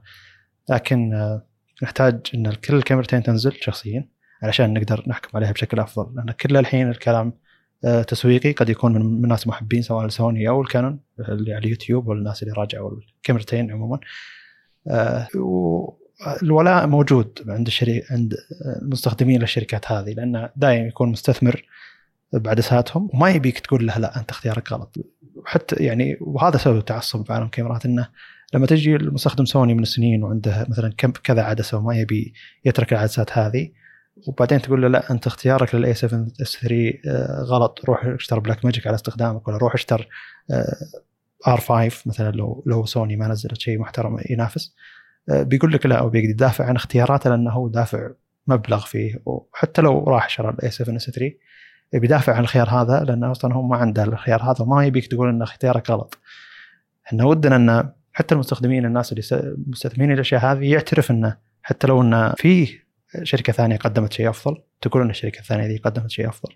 الكاميرات هذه صارت تتنافس ال C 100 السينمائيات القديمة حقت كانون C 100 C 200 هذيك ما تقدم حتى 4K 120 frame بينما هذه الكاميرا تقدم 4K 120 آه، أنت بتنتقد سوني على أكثر من شيء وأنا كان ودي أعطي تبرير لكن مو انتقاد هو يعني مجرد نقاط المفروض. إنهم يسوون كذا يعني لا لا. أنا أتكلم للنصيحه للمستخدم بشكل عام وأيضا صح بذكر اللي. طيب آه، أول شيء آه، أنا أشوف إن الموضوع تدخل فيه آه، اللي هو التعصب لاسم الشركة بشكل عام لأن هذا ال- البيئة اللي صايرة عموما آه. تعليقات اليوتيوب بالمراجعات عموما الناس اللي تحب الكاميرا هذه تحب الكاميرا هذه أنا ما عجبني هذا الشيء لذلك آه، يعني بوضح إني أنا ما أنتمي لأي شركة أنا حاليا معي سوني لكني كنت أستخدم كانون وأنا إذا جيت أغير الكاميرا أروح للخيار الأفضل ايا كان يعني سواء سوني ولا كان ما تفرق معي يعني. زي يوم ما كان عندي 7 D مثلا بعدها أخذت ال 5 D Mark 3 كانت الأفضل بالنسبة لي بذاك الوقت. ثم جيت بشتري كاميرا جديدة ب 4K 30 frame على full frame وكانت ال a 7 3 الأفضل على الإطلاق بذاك الوقت يعني 2018 بداية 2018 أو يمكن قبل بشوي ما أذكر والله. فبشكل عام ال brand loyalty هذه ولاء البراندات ما هو أنا. ذكرت السبب. إذا كان مستثمر بعدسات إي وما إي. يبيك تس- صح. تسب شركه الاختيار عموما يعني. ما يبيك, يبيك ترى لا في عموما خلاف الموضوع. عموم الشخص إذا اقتنى شيء ما, ما يبيك تقول أوه تراك شريت شيء غلط هو دافع فلوس و... طيب آه، لحظة أنا أعرف واحد من أخوياي دام جا بطاري بس مم. ما قد ذكرت اسمه. آه، يوم شرى ال a 7 s Mark 2 أول ما نزلت آه، كان مستثمر بعدسات كانون. قال لك تدري والله ما أشتري عدسات سوني أبد. ما شرى ولا عدسه G Master 24 70 70 200 جميل. شرى ال Metabones ال Speed Booster مو الفئة في فئة أعلى. شرى الفئة اللي ب 600 دولار وقال يعني بالنسبة لي انحل موضوعي من هالناحية. جميل. فمو شرط يعني بشكل يعني زي ما نتصور إحنا أن العدسات يعني تفرض عليك بشكل كامل. أنا الآن عندي ترى ادابتر مع إني ما أستخدم إلا عدسة واحدة عليه اللي هي 14 ملي من ساميانج عموما هذا الشيء غير موجود إحنا نقيم بشكل عام. أول نقطة بذكرها أن أمور الحرارة وغيرها أنا ما أقول لك ما هي حقيقية بس مثل ما قلت أنت هي نسخ أولية هذا الشيء الأول. الشيء الثاني انه آه، يعني صار فيها تضخيم آه، لأن يعني في أكثر من شيء أكثر من منتج أنا قاعد ألاحظه على السنين زي مثلا مشاكل النوت 7 الانفجار وغيره. آه، الموضوع ما أقول لك إنه مو موجود هو موجود بس إن النسخ اللي صارت فيها المشاكل جدا قليلة. فأقول لك انه أما الموضوع قابل للحل آه، أو النقطة الثانية اللي هو النسخة الانتاجية تكون تفرق مثلا. لأن الكاميرات حساسية أو تقبل إنها تتأخر عن السوق ترى ما هو زي الأجهزة الذكية مثلا. اي بس المفروض إن هنا نعذر كانون أكثر لأنها أصلا ما نزلت الكاميرا للسوق أنا ما قلت النوت نعذرها. لا بينما النوت 7 نزل للسوق صار في ذي صح. المشاكل. اي ف- تفرق تفرق من الناحية. ها. أنا بس أبي أذكر الموضوع على أنه آه، يعني أحيانا الناس يبالغون نوعا ما بالموضوع أحيانا. أو حتى المبالغة ما تعني ان الشيء آه، يعني مو موجود. هو موجود بس إنه ردة الفعل بزيادة بشكل عام. يعني أحيانا ردة الفعل على ذي الأشياء ما تبين الأمور على حقيقتها. يمكن مثلا على تصوير معين بس تطلع هذه المشكلة. مو overheat يعني خلاص overheat على الكل. بشكل عام أنا أول ما شريت ال a 7 3 كانت أبرز ميزة الناس تذكرها لي إنها تقول أنت بتحصل على مثبت داخلي مثبت داخلي مثبت داخلي. مرة من المرات بمقطع ال 70 ما ودي أعلمكم انه بمقطع ال 70 في أحد اللقطات كانت جدا فيها اهتزاز يعني غير مقبول. يوم شغلتها على ال PC وشفتها بشاشة أكبر. زين. فيوم شفت المشكلة هذه أه، يعني نوعا ما انقهرت. قلت شكلي ما كنت مشغل ال IBIS و IBIS IBIS اللي هو in-body image stabilization للي ما يعرف. فشيكت عليه لقيت إنه يشتغل طفيته.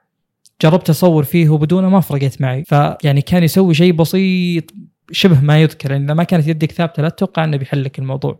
ف يعني هو تعرف اللي التقنية نزلت للسوق بس إنه مو هذا وقت الاستفادة منها. خلها تتطور مع الوقت. نوعا ما هذه نظرتي لل IBIS آه، المقارنة بين ال IBIS بأحد التجارب اللي شفتها بين الكاميرتين حق السوني في أكثر من mode 7S 3 في mode كان مرة ممتاز بس إنه إذا صار فيه اهتزاز يصير أسوأ مما لو إنك مو مشغلة. وفي mode ثاني لا تعديل بسيط. آه، تعديل بسيط ظاهر هو ال hardware ي تعديل اللي هو في تعديل كثير ك software آه، software ي وفيه crop. تعرف اللي أقص شوي من ال frame عشان تصير عندي مساحة أتحرك فيه زي ال warp stabilizer حق Adobe Premiere وغيره. يصير يعكس الحركة حقت الكاميرا يعني. نوعا ما يعني يحاول من الناحيه أتكلم. خلاص على قولتهم ال footage baked in ما ي... ما تقدر تغير فيه فيحاول يعدل يعني بعده. من اللي شفته شخصيا واستغربته هذا أول IBIS الظاهر ينزل كانون كان أفضل بكثير من سوني على ال mode ال hardware ي على الم... اللي هو ال active. على ال mode الثاني كان في تقارب كبير ما حسيت إنه في فرق بس إنه اللي كان مصور ال footage يقول اصبر إذا وصلت للمكان اللي فيه اهتزاز آه، سوني تصير أسوأ بكثير من هالناحية. فاستغربت نوعا ما للأشخاص اللي بيفيدهم ال IBIS آه، ممكن تحصل على ال IBIS أفضل بال R5 عموما. آه، طيب النقطة الثانية اللي بذكرها هذه انتقاد بشكل عام لل hybrid ممكن يعني بذكر سبب ممكن يكون صحيح أو لا بس بشكل عام ليش ما يكون عندي يعني ليش الآن خلينا نقول ال resolution الموجود اللي تقدر تصور فيه أما 4K أو full HD أو مثلا 720 ما عندك 1440 p اللي هو 2K ولا عندك 6K ايا كان هو الظاهر 2880 أو أكثر شوي. 3000 وشيء 2880 حق 5K بعض السينمائيات فيها 2.6K بالضبط 2.6 2.7 5.7 كنت يعني أحاول أطرح النقطة هذه على ناس كثير. آه، في واحد من أخوياي قال لي آه، انه عشان ما تضر مبيعات الفئات الأعلى زي مثلا لو تروح ال FX 9 عند سوني آه، بتلقاهم يصورون 5.7K أو في كاميرات 5.8 طبعا Blackmagic تعطيك كل ال formats هذه ترى. كل ال resolutions هذه موجودة بالمنيو. تبي point كذا point كذا. طبعا ممكن تختلف من ناحية إن بعض ال formats متوفرة ب ProRes بس ما هي متوفرة raw والعكس بال Blackmagic عموما هنا هذا الشيء جدا استغربته واستنكرته لسبب قوي. الآن ترى في الوقت السابق ما كنا نشوف كاميرات أعلى دقة فيها 120 frame. أنا بالنسبة لي أشوف هذا الشيء غلط. يعني أنت الآن كونك تعطي 4K 120 دليل إن عندك ال bandwidth حقك يكفي أكثر بس على فريمات أقل. يعني تقدر تعطي مثلا 6K 30 ولا 60 frame. المفروض إنك تقدر تقدر تسوي كذا. فاستغربت انه في 4K 120 وخلاص بعده ما في شيء. ممكن عشان ما يضروا مبيعات ال FX 9 إي بس هذا أقصد هذا قد يحل مشكلة سابقة. يعني لو على ال 4K حق ال a7 3 القديمة لو كان عليها 2.6K أو 2K 60 frame كان بيحل مشكلة slow motion نوعا ما عند بعض الناس اللي يبي يصور 4K slow motion بس ما عنده 4K 2K قرب صح صح أتفق معك. وحتى كثير من الناس اللي يستخدمون a7 3 يرجع 1080 120 علشان بعدين يرفعها على خط المونت... ال timeline حق المونتاج حق ال 4K ويكبرها علشان ياخذ slow motion بس. فلو في 2K ممكن صح. المشكلة دي تكون أهون يعني. أنا ليش جدا ما يعجبني هذا الموضوع؟ لأنه يا جماعة ال footage حق ال slow motion صعب تتعامل معه. م. ما عندك حرية ابدا. أه، أتكلم اللي كان لا زال موجود بال a7 3 أه، يعني لا ك bit depth ك لأنه 8 bit ولا ك chroma 420 ودقتها أقل فوق ذا كله فالتعامل معه صعب وفوق ذا بعد يعني نجمع زيادة على ذا اللي هي أسوأ نقطة موجودة إن 120 frame فتحتاج ترفع ال shutter. أكيد إن ال exposure عندك بيكون أسوأ. وهذه مشكلة كبيرة جدا ترى لأن ال footage حق slow motion حتى لو رفعت ال exposure حقه يصير فيه كأنه washed out على قولتهم مغسول بس يعني طحنا بأكثر مشكلة انه لا IBIS محت... لا IBIS يحل المشكلة IBIS ولا slow motion تحل مشكلة إن الحركة تصير ناعمة. اي فاخذ وش الفرق عني لما أروح وأخذ Blackmagic تحل المشاكل ذي كلها. ما فيها أصلا IBIS. إي لا تعطيني بالنسبة لي إي فهناك في 120 على على 2.6 K مثلا. وخلاص تحل المشكلة ذي. مهما كانت سرعة حركة الكاميرا وفيها اهتزاز نوعا ما الا ان إذا نزلتها من 120 إلى 30 مثلا أو 24 ما راح يكون فيها أي اهتزاز نهائيا بتكون حركة جدا ناعمة. ف يعني 24 4K 30 frame كانت تعتبر طامة حتى مع وجود ال IBIS ومع وجود هو شوف على مثل ما قلت أنا بس عشان اكون موضوعي على ال a7S Mark 2 ممتازة أصلا ما كان هذا الشيء متوفر اي بس أقصد على حسب السنو... تقدمهم في السنوات أي. مع تقدم السنوات يعني. كان الموضوع صعب إنك تتعامل معه يعني خمس سنوات حرفيا يعني من دون م. أي تقدم كل المزايا الموجودة على ال a7S 2 قاعد تنحط على الفئة الأصغر تتعدل بشكل بسيط. م. يعني والله هي تقدر تستخدم الفئه الأصغر اللي بيدفع أقل يعني تعتبر جيدة يعني. واحد ينتظر آه، من فئة ال A6000 مثلا أو ينتظر من الفئة هذه شيء أعلى ممتاز. بيحصل شيء بسعر ممتاز. لكن على الفئة الأعلى اللي هي ال A9 سواء أو ال A7R Mark 3 مثلا أو أي شيء جاء بعد ال A7S 2 يعتبر المفروض إنها أعلى منها لكنها ما هو أعلى منها يعني. فتعتبر مشاكل يعني. آه، أنا مثل ما قلت لك إن المشاكل اللي تحلها سوني هي مشاكل جانبية. آه، بس تدل بهذا على نقطة اللي هو إن مثلا من مشاكل ال A7S Mark 2 على ال 4K انه كان في crop بالظاهر بسيط آه، واحد. اثنين كان في مشكلة بال بال continuous focus ما تقدر تشغله مع ال 4K أه، هل هذه مشكلة جذرية؟ بالنسبة لي لا. اي بس ما هي مشكلة إنها تحل المشكلة ذي بس في مشاكل أو لا تحلها. بالضبط. هذه بس أنا أذكر النقطة إن فعلا هذا اللي كان مزعج. في نقطة بعد زياد, زياد على هذا. إذا صورت 4K 30 اللي أذكره الشاشة تصير كأنها zebra. ما تصير أه، ما, ما تشوف preview حقيقي. تصير كأنها أبيض وأسود. فهمت؟ ف عموما هذه أنا شاشتي إذا صورت 4K 30 frame 4K أيوه؟ 24 فريم تظل أوه. يعني حتى أنت تصير عندك مشكلة. عموما عشان تحافظ على البطارية. هذا قال كلام مهم هذه مشاكل جانبية. أقدر أجيب external monitor أسوي أي شيء. عموما أقدر أدبرها من الاخير بس كعمق bit هذه مشاكل ما تنحل. أنا أعتقد إن صوت الناس اللي يعانون من المشاكل هذه أكبر من صوت الناس اللي يعانون مشاكل ثانية. بس هذه المشاكل الجذرية تكلف أكثر إيه بالتطوير فقط يعني. اي بس أيضا الشخص اللي قاعد يفكر بالعمق العمق اللوني وال8 bit وال10 bit هذا هذا متوجه الكاميرات الثانية أساسا خلاص. وصدقني من سنتين ماضيه وهو غاسل يده من سوني يعني. وشيء مزعج إن سوني ما تحركت إلا يوم تحركت كانون مثلا. لو إنها ال A7S 3 نازلة قبل سنتين كان كسرت السوق ولا أحد ممكن يقدر ينافسها. وحتى على السعر 3500 ما كان في مشكلة قبل سنتين. الحين نزولها هذا يعتبر متوقع يعني نعم. لأن زي ما أغلب السوق تحول اللي هم تحولوا له. اللي مستثمر عند سوني ياخذ سوني والكاميرا تعتبر منافسة ممتازة جدا وشيء مبهر بالنسبة حتى للسينمائيات القديمة. يعني الناس اللي ينتجون إنتاج عادي ويستخدمون كاميرات صغيرة على auto focus والأشياء هذه بيوصلون مستوى إنتاج محترم علشان في مثل الكاميرات وأيضا الكاميرات عندها قابلية إنها تتوسع. وانه يحطون حولها rig يعني زي الترهيم للكاميرا يحطون آه، حولها بطارية خارجية شاشة مسجل record external recorder مسجل خارجي آه، أشياء كثيرة. يعني زي نزلوا سوني زي ال adapter ال hot shoe اللي فوق يعطيك 2 XLR يسجل مباشرة على الكاميرا. فهذا آه، يشيلك من إنك تحتاج مسجل صوت خارجي أيضا زي أجهزة Zoom 5 Zoom 6 فزي اللي قاعد ياخذون من الجوانب هذه ومن الجوانب هذه لكن آه، لما تروح تفكر بالسينمائيات ما زلت تفكر بالقيمه مقابل السعر إن Blackmagic قدمت شيء أفضل لكن الكاميرات هذه بتقدم مستوى أداء عالي جدا ما كانوا يحلمون فيه الناس اللي قاعد يحتاجون الحجم هذا وال auto focus والعملانية هذه السريعة اللي هو يقلب يقلب الشاشة عشان يقدر يصور نفسه وبس يضغط زر التسجيل ويبدأ يصور. طيب آه، بس عشان يعني أوضح موضوعيتي أنا أشوف الانتقاد عدم وجود 2K و 6K على الكاميرات هذه آه، أقوى على الكانون أكثر من خلينا نقول سوني من ناحية وأقوى على سوني أكثر من كانون من ناحية أخرى آه، مثلا كانون آه، في 8K. عشانك مقدم 8K مم. ممكن أتقبل الموضوع آه، بس انه هذا أيضا يخليني أستغرب ليش أنت ما وفرت 6K دامك قدرت توصل 8K فالموضوع من الناحيتين مزعج.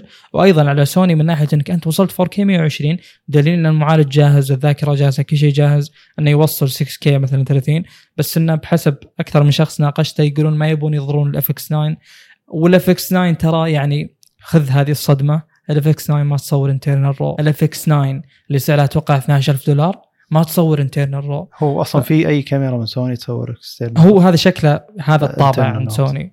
إنه ما ما في raw internal ف هم معذورين يمكن على ش... كاميرات صغيرة بس على ال FX9 هذه طامة تعتبر يعني أمر غير مقبول يعني م. بشكل لا جدال فيه و يعني لو تقول لي وش يفرق معهم آه، لو استخدمت ال FX9 handheld بتضطر تحط يسمونها باص setup setup بالباص ليش؟ تحتاج تحط ال external recorder آخر شيء وراء فبتصير الكاميرا جدا طويلة. آه، بعضهم يقول يوازن لك الوزن بشكل أفضل لكن- حمل على الكتف يعني يصير. إي لكن آه، يعني لا تزال. هذا حمل إضافي أحط في mount ولا أحط أي شيء ثاني مكان هذا الشيء. ف يعني هو أمر سلبي مهما قيل عنه بشكل عام. بالنسبة لي عندي انتقاد بسيط اللي هو ليش الآن أنت معطيني internal 10 bit إذا بروح external 16 bit أنا أول مرة أشوف هذا الشيء بحياتي. اللي أعرفه إنك تعطيني internal 10 bit تبي raw 12 bit انتهى الموضوع. هذا اللي موجود Blackmagic. هذا اللي موجود بكانون بس إنك تعطيني كذا يعني ترى مشكلة تخزين البيانات هذه ترى ما هي سهلة يعني. تتوقع قابلية المعالج إنه يعطي آه، 16 bit خارجي؟ أنا أتوقع إنها يعني أمر software بس يحل الشيء هذا. يعني 16 bit فوق الاحتياج بالنسبة لي. طيب أقصد مو لازم ال external حقك يسجل 16 bit كم يسجل أجل؟ سجل 12 عادي ما عنده مشكلة. ما في. من ضمن الخيارات اللي تسجل فيها أنا ما لقيت. يمكن up to 16 bit ما أدري. بس انه لا، لك كاعداد هذا للكاميرا. أساس يعني حتى أنت لو عندك كاميرا 10 بت وعندكم جهاز تسجيل خارجي ما يسجل 8 بيسجل 8 ما راح يسجل 10 ما, ما عندي يعني. علم ما عندي علم فما ودي يعني يمكن أنت عندك ما عندي ما أدري صراحة أنا ترى قاعد تبحث قاعد تشوف مقاطع ال- هي ما, شاء الله ما في نينجا. مقطع ما شفته نينجا 5 أتومز مم. حقات شنوبي كل المسجلات الخارجية الشاشات يعني. آه، ما أدري أسعارها تعور القلب صراحة أكيد إيه عشان كذا أنا أقول لا يجيني شخص يقول طيب يا أخي اشتر اشترك ستيرلينج آه. هذه 500 دولار على جنب على الأقل تخلي الكاميرا بداية 3500 4000 دولار عموما ننتقل للنقطة اللي بعدها موضوع الحرارة. أنا أشوف إن الموضوع ما شفناه على حقيقته.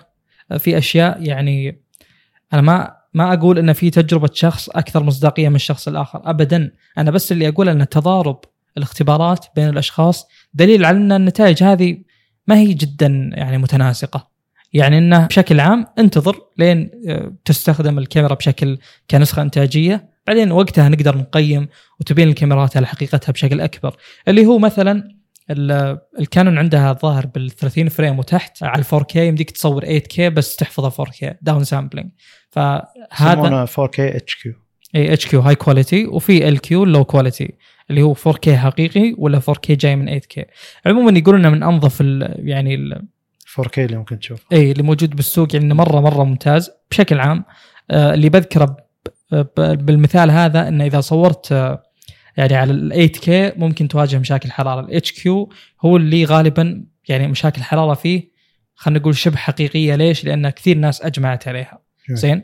بينما إذا صورت ال 4K الحقيقي آه، اللي هو مثلا 4K 60 frame 60 frame وطالع آه، في اختبارات تمت قالت خلاص خلينا نجيب 4K مقابل 4K لا نصور 8K يعني من من أبرز الأشياء اللي إثبات إن ال A7S3 ال sensor حقها يختلف إنه أصلا هو 4K ما مو ب 6K زي الموجود باللي قبل. اللي قبل 6K وتسوي down sampling ل 4K هذا قد يكون 4K حق الماضي قد يكون أحسن إذا كانت 8 بت 420 أه، ما أدري صراحة. عموما الشخص هذا قال أنا بجرب.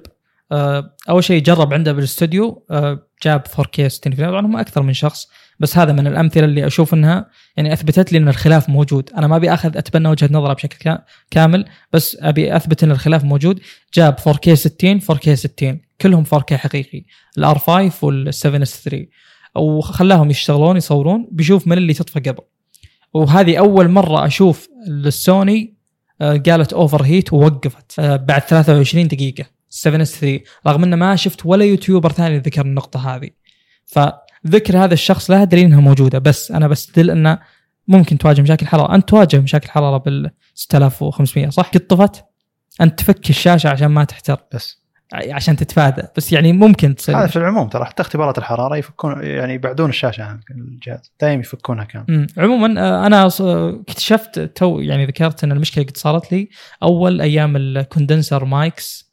كنت أطفي المكيف وقت التسجيل. أول ثلاث مقاطع لي. بيوتيوب تقريبا.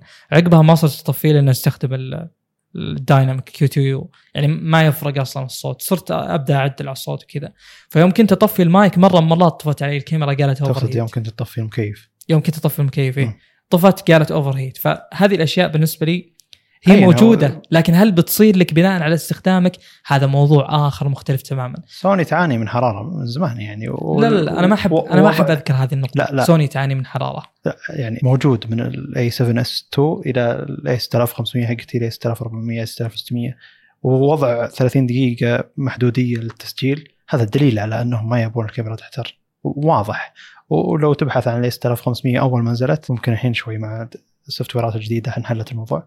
كانوا يقولون أي أحد يسجل برا خارج الغرف يعني اللي يكون فيها تبريد ومكيفات دايم تحتر. وبعضهم من حقين ال a6500 اللي أنا كاميرتي تعتبر يشترون قطع ثلج ذي صغيرة اللي تصير بكياس عشان يحطونها ورا الشاشة عشان. تبرد على ال- الكاميرا. فأقصد هي موجودة بكاميرات سابقة وقد تكون موجودة بكاميرات جاية خاصة إذا فيها 8K ال 8K يستهلك طاقة مو طبيعية وحرارة. من الطبيعي إن الكاميرا تحتر. لكن مو من الطبيعي إن ال- يعني إن إنها ما تبرد بشكل أسرع ومو من الطبيعي إن إن يعني ال- الشركة نفسها ما تقيس الشيء هذا. يعني لو إن ال 8K يحتر بعد 17 دقيقة حط محدودية 17 دقيقة ولا تخليها تحتر. خلي الناس تستخدم 17 دقيقة ثم تطفي ثم تستخدم 17 دقيقة ولا كلهم غير منطقي هذا الشيء بالنسبة لي. عموما هم يقولون خمس دقائق خم... يعني حتى في أحد إنه صور خمس دقائق ثم وقف ثم صور خمس دقائق ثم وقف. واحترت عليه. إيه. يقول إني ما وصلت مدة طويلة لكن الحد هذا ما ينفع. إيه حتى هذا ما ينفع لكن آه، وجوده يدل على انه ترى إحنا حادينك علشان عارفين انه في مشكلة. ترى مع انه إلى الحين المفروض إن ما نحكم وأتوقع أن شركات كلها أو أغلبها تقدر تحل المشكلة هذه. قياس انه تحت الشمس ودرجات حرارة عالية هذه الإنسان ما يتحملها شلون تبي كاميرا تصور 4K بالحجم هذا تتحملها الحين كاميرتي لو أطلع برا صدقني 10 دقائق ربع ساعة ما تكمل تصوير 4K فهذا شيء طبيعي. أقصد مستوى القياس من مكان لمكان يختلف لكن المفروض إنهم يأخذون آه، القياس المتوسط يعني درجة حرارة متوسطة 30 درجة مئوية مثلا وظروف واحدة أيضا هذا ما هو معيار دقيق.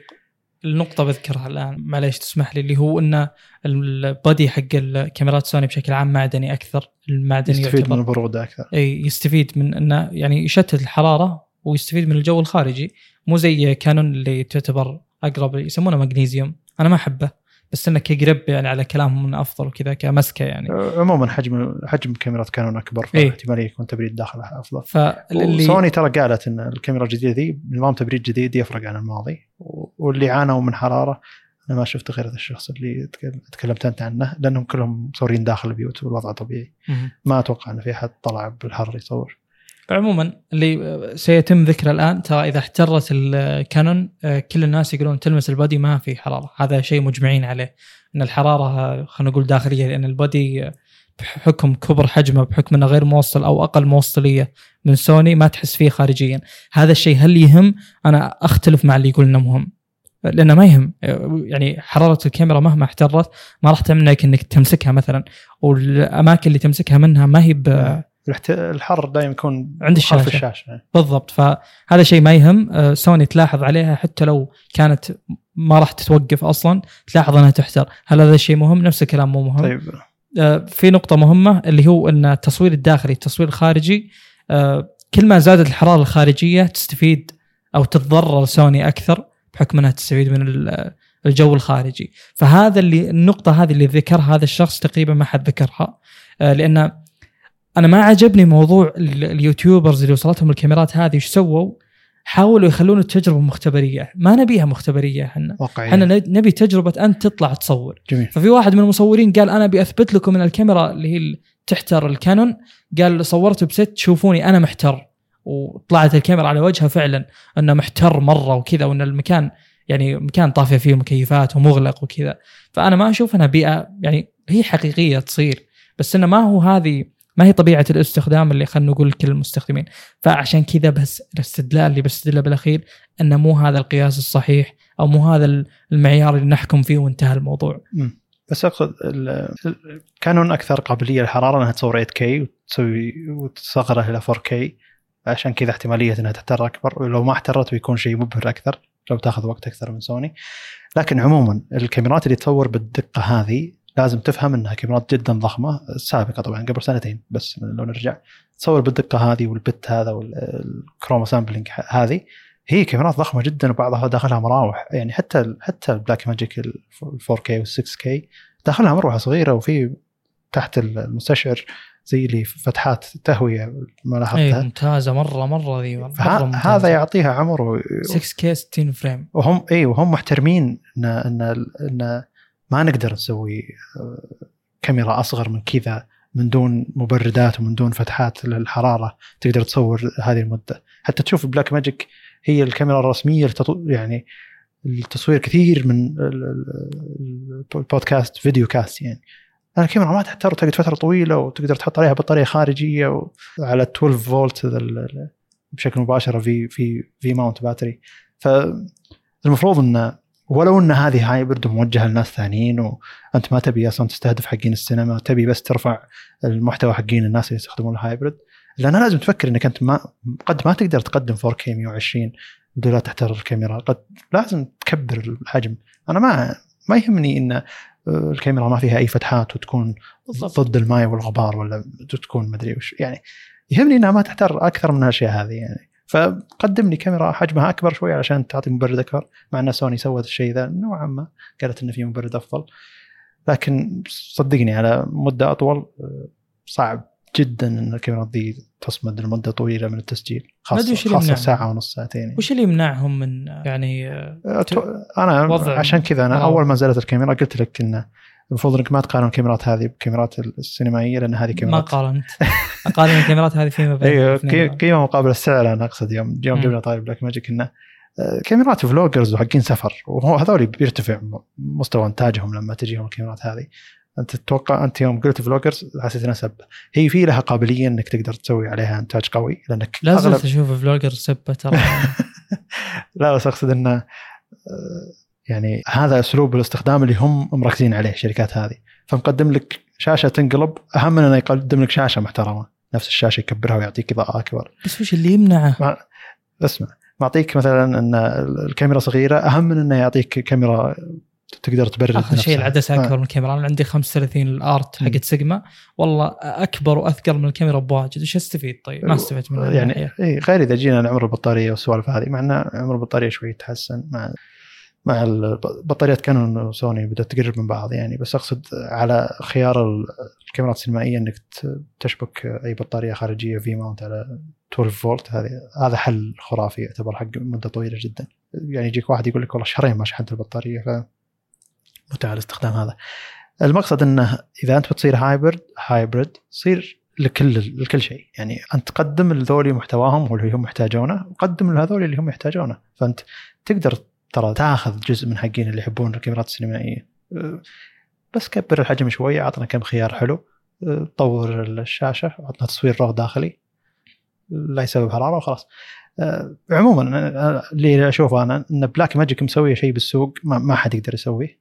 صحيح. زي ما إذا جبنا طاري الأجهزة المتوسطة بوكوفون وش مسوية بالسوق؟ نفس الفكرة هنا انه ب 1200 دولار 1300 دولار ولا ب- اي 1400 4K وش آه، 4K 1295 سعر رسمي 1000 حالياً. اي 1300 دولار يعني. آه، أو 2000 دولار لل 6K هذه ما في أي قيمة مقابل السعر ما في قيمة جودة صورة مقابل السعر في العالم تعطيك الشيء هذا. والأشياء الثانية السخيفة اللي هي إن الشاشة تنقلب ولا ما في مثبت بصري ولا ما في focus auto focus محترم هذه كلها أشياء تنحل بشكل خرافي خاصة اللي ينتج في استديو فتشوف حتى الناس اللي يستخدمون بلاك ماجيك 6K يعني pocket camera pocket cinema camera 6K آه، ما فكروا بالكاميرات هذه ولا يطالعونها ولا ولا هم حولها يعني. آه، فواضح توجه الشركات هذه لمين؟ واضح إنهم كمية كبيرة من الناس. اللي يحبون يوثقون الحياة اليومية على شكل vlog اللي يوثق حياته اليومية يوثق يعني ودايم ماسك الكاميرا يسولف لها بكل مكان يروح له. والمشكلة إنه ما هي مشكلة بس الناس ذول اشتهروا وصار عندهم ملايين. ما عندنا مشكلة إنه يزيد مستوى إنتاجهم الشيء ذا لكن المشكلة إنك لما تطيح بالنوعية ذي من الناس على آه، كاميرات بهالسعر يعني آه، يعتبر غير منطقي مع اللي قدمه بلاك ماجيك الاثنين سواء كانون سواء R اس R5 أو ال A7S 3 3500 300 دولار. آه، سعر غير مقبول نهائيا. آه، ممكن سوني بعد سنة سنتين تقدم لك أكثر من كاميرا على حول المواصفات هذه بسعر أقل وتسحب لك كم شغلة ما هي مهمة. آه، قد تكون أكثر منطقية A7 4 مثلا أو غيرها. أتفق. قد يكون. بس عموما يعني هذه هذه واقعية السوق يعني إن جودة الصورة إذا كانت تهمك هذا البلاك ماجيك تعتبر آه، خيار خرافي مقابل السعر وصدقني الاشياء اللي تستثمرها حول الكاميرا بتبقى لك عمر طويل قدام. ما راح تقول أوه والله شاشة خارجية متى أقدر أستخدمها. لا بتقدر تستخدمها مع أي كاميرا تقدر تشتريها. أو follow focus خارجي ما بيس... متى استخدمها لا تقدر تستخدمها على أي كاميرا تشتريها بحياتك كاملة. ولا مثلا آه، gimbal خارجي أو تركب عليه أي كاميرا. فهذه أشياء صايرة اعمارها أطول من الكاميرات مع انه سابقا أيام ال 5D Mark 2 أو 5D الأساسية كان عم- أعمار الكاميرات تعتبر أطول من الحين. الحين الكاميرات شوي التنافس فيها قوي يعني. كثير حولوا ال GH5 علشان ال 10 bit 422 كثير حولوا يعني 4K ك- 60. ف يعني مو بنفس الوقت بس يعني في الخيارات كلها موجودة. أيوه. أقصد التحويل يعني ال- ال- بعالم الكاميرات يعتبر الحين أسرع. أنا كنت أشوف إن التطور أبطأ لكن لما طلعت إن باناسونيك سوت بالعام الفلاني كذا وبلاك ماجيك سوت بالعام الفلاني كذا قلت أوه يعني لو نطلع. اي لو نطلع من كانون وسوني يقول أوه العالم مرة كبير يعني. العالم أكبر من كانون وسوني بس يعني. اول كان قبل لا حتى تجي سوني كان كانون نيكون بين ال photographers. وللحين كانون نيكون بين الفوتوغرافرز. آه، لا زلت أختلف بمسمى آه، كاميرا آه، vloggers اختلف كبير يعني غير قابل ترى هذا. هذا الجهة اللي سوقوا لها يعني كل ال YouTubers. اللي يصورون حياتهم اليومية بشكل فاخر شوي أعطوهم الكاميرا وهم اللي. سوقوا لها أقصد في الغ... هذا توجه الشركة ما لك دخل إذا أنا كنت أسميه كذا ولا لا لأن هذا التوجه واضح إن هذه الكاميرا ما تناسب للناس اللي يشتغلون باستوديو وناوي يشتري يسمونها. ترافل كاميرا مو مشكلة اي بس إنه آه، موضوع إني أسميها الفلوجرز هذا كأنه يقول أجل وش تسوي الاس 3600 هذه أقل ميزانية لا. شخص شوي مطفر والجي 7 إكس اللي بكانون وغيرهم الكاميرات هذه. هذا اللي تو بادي مرة.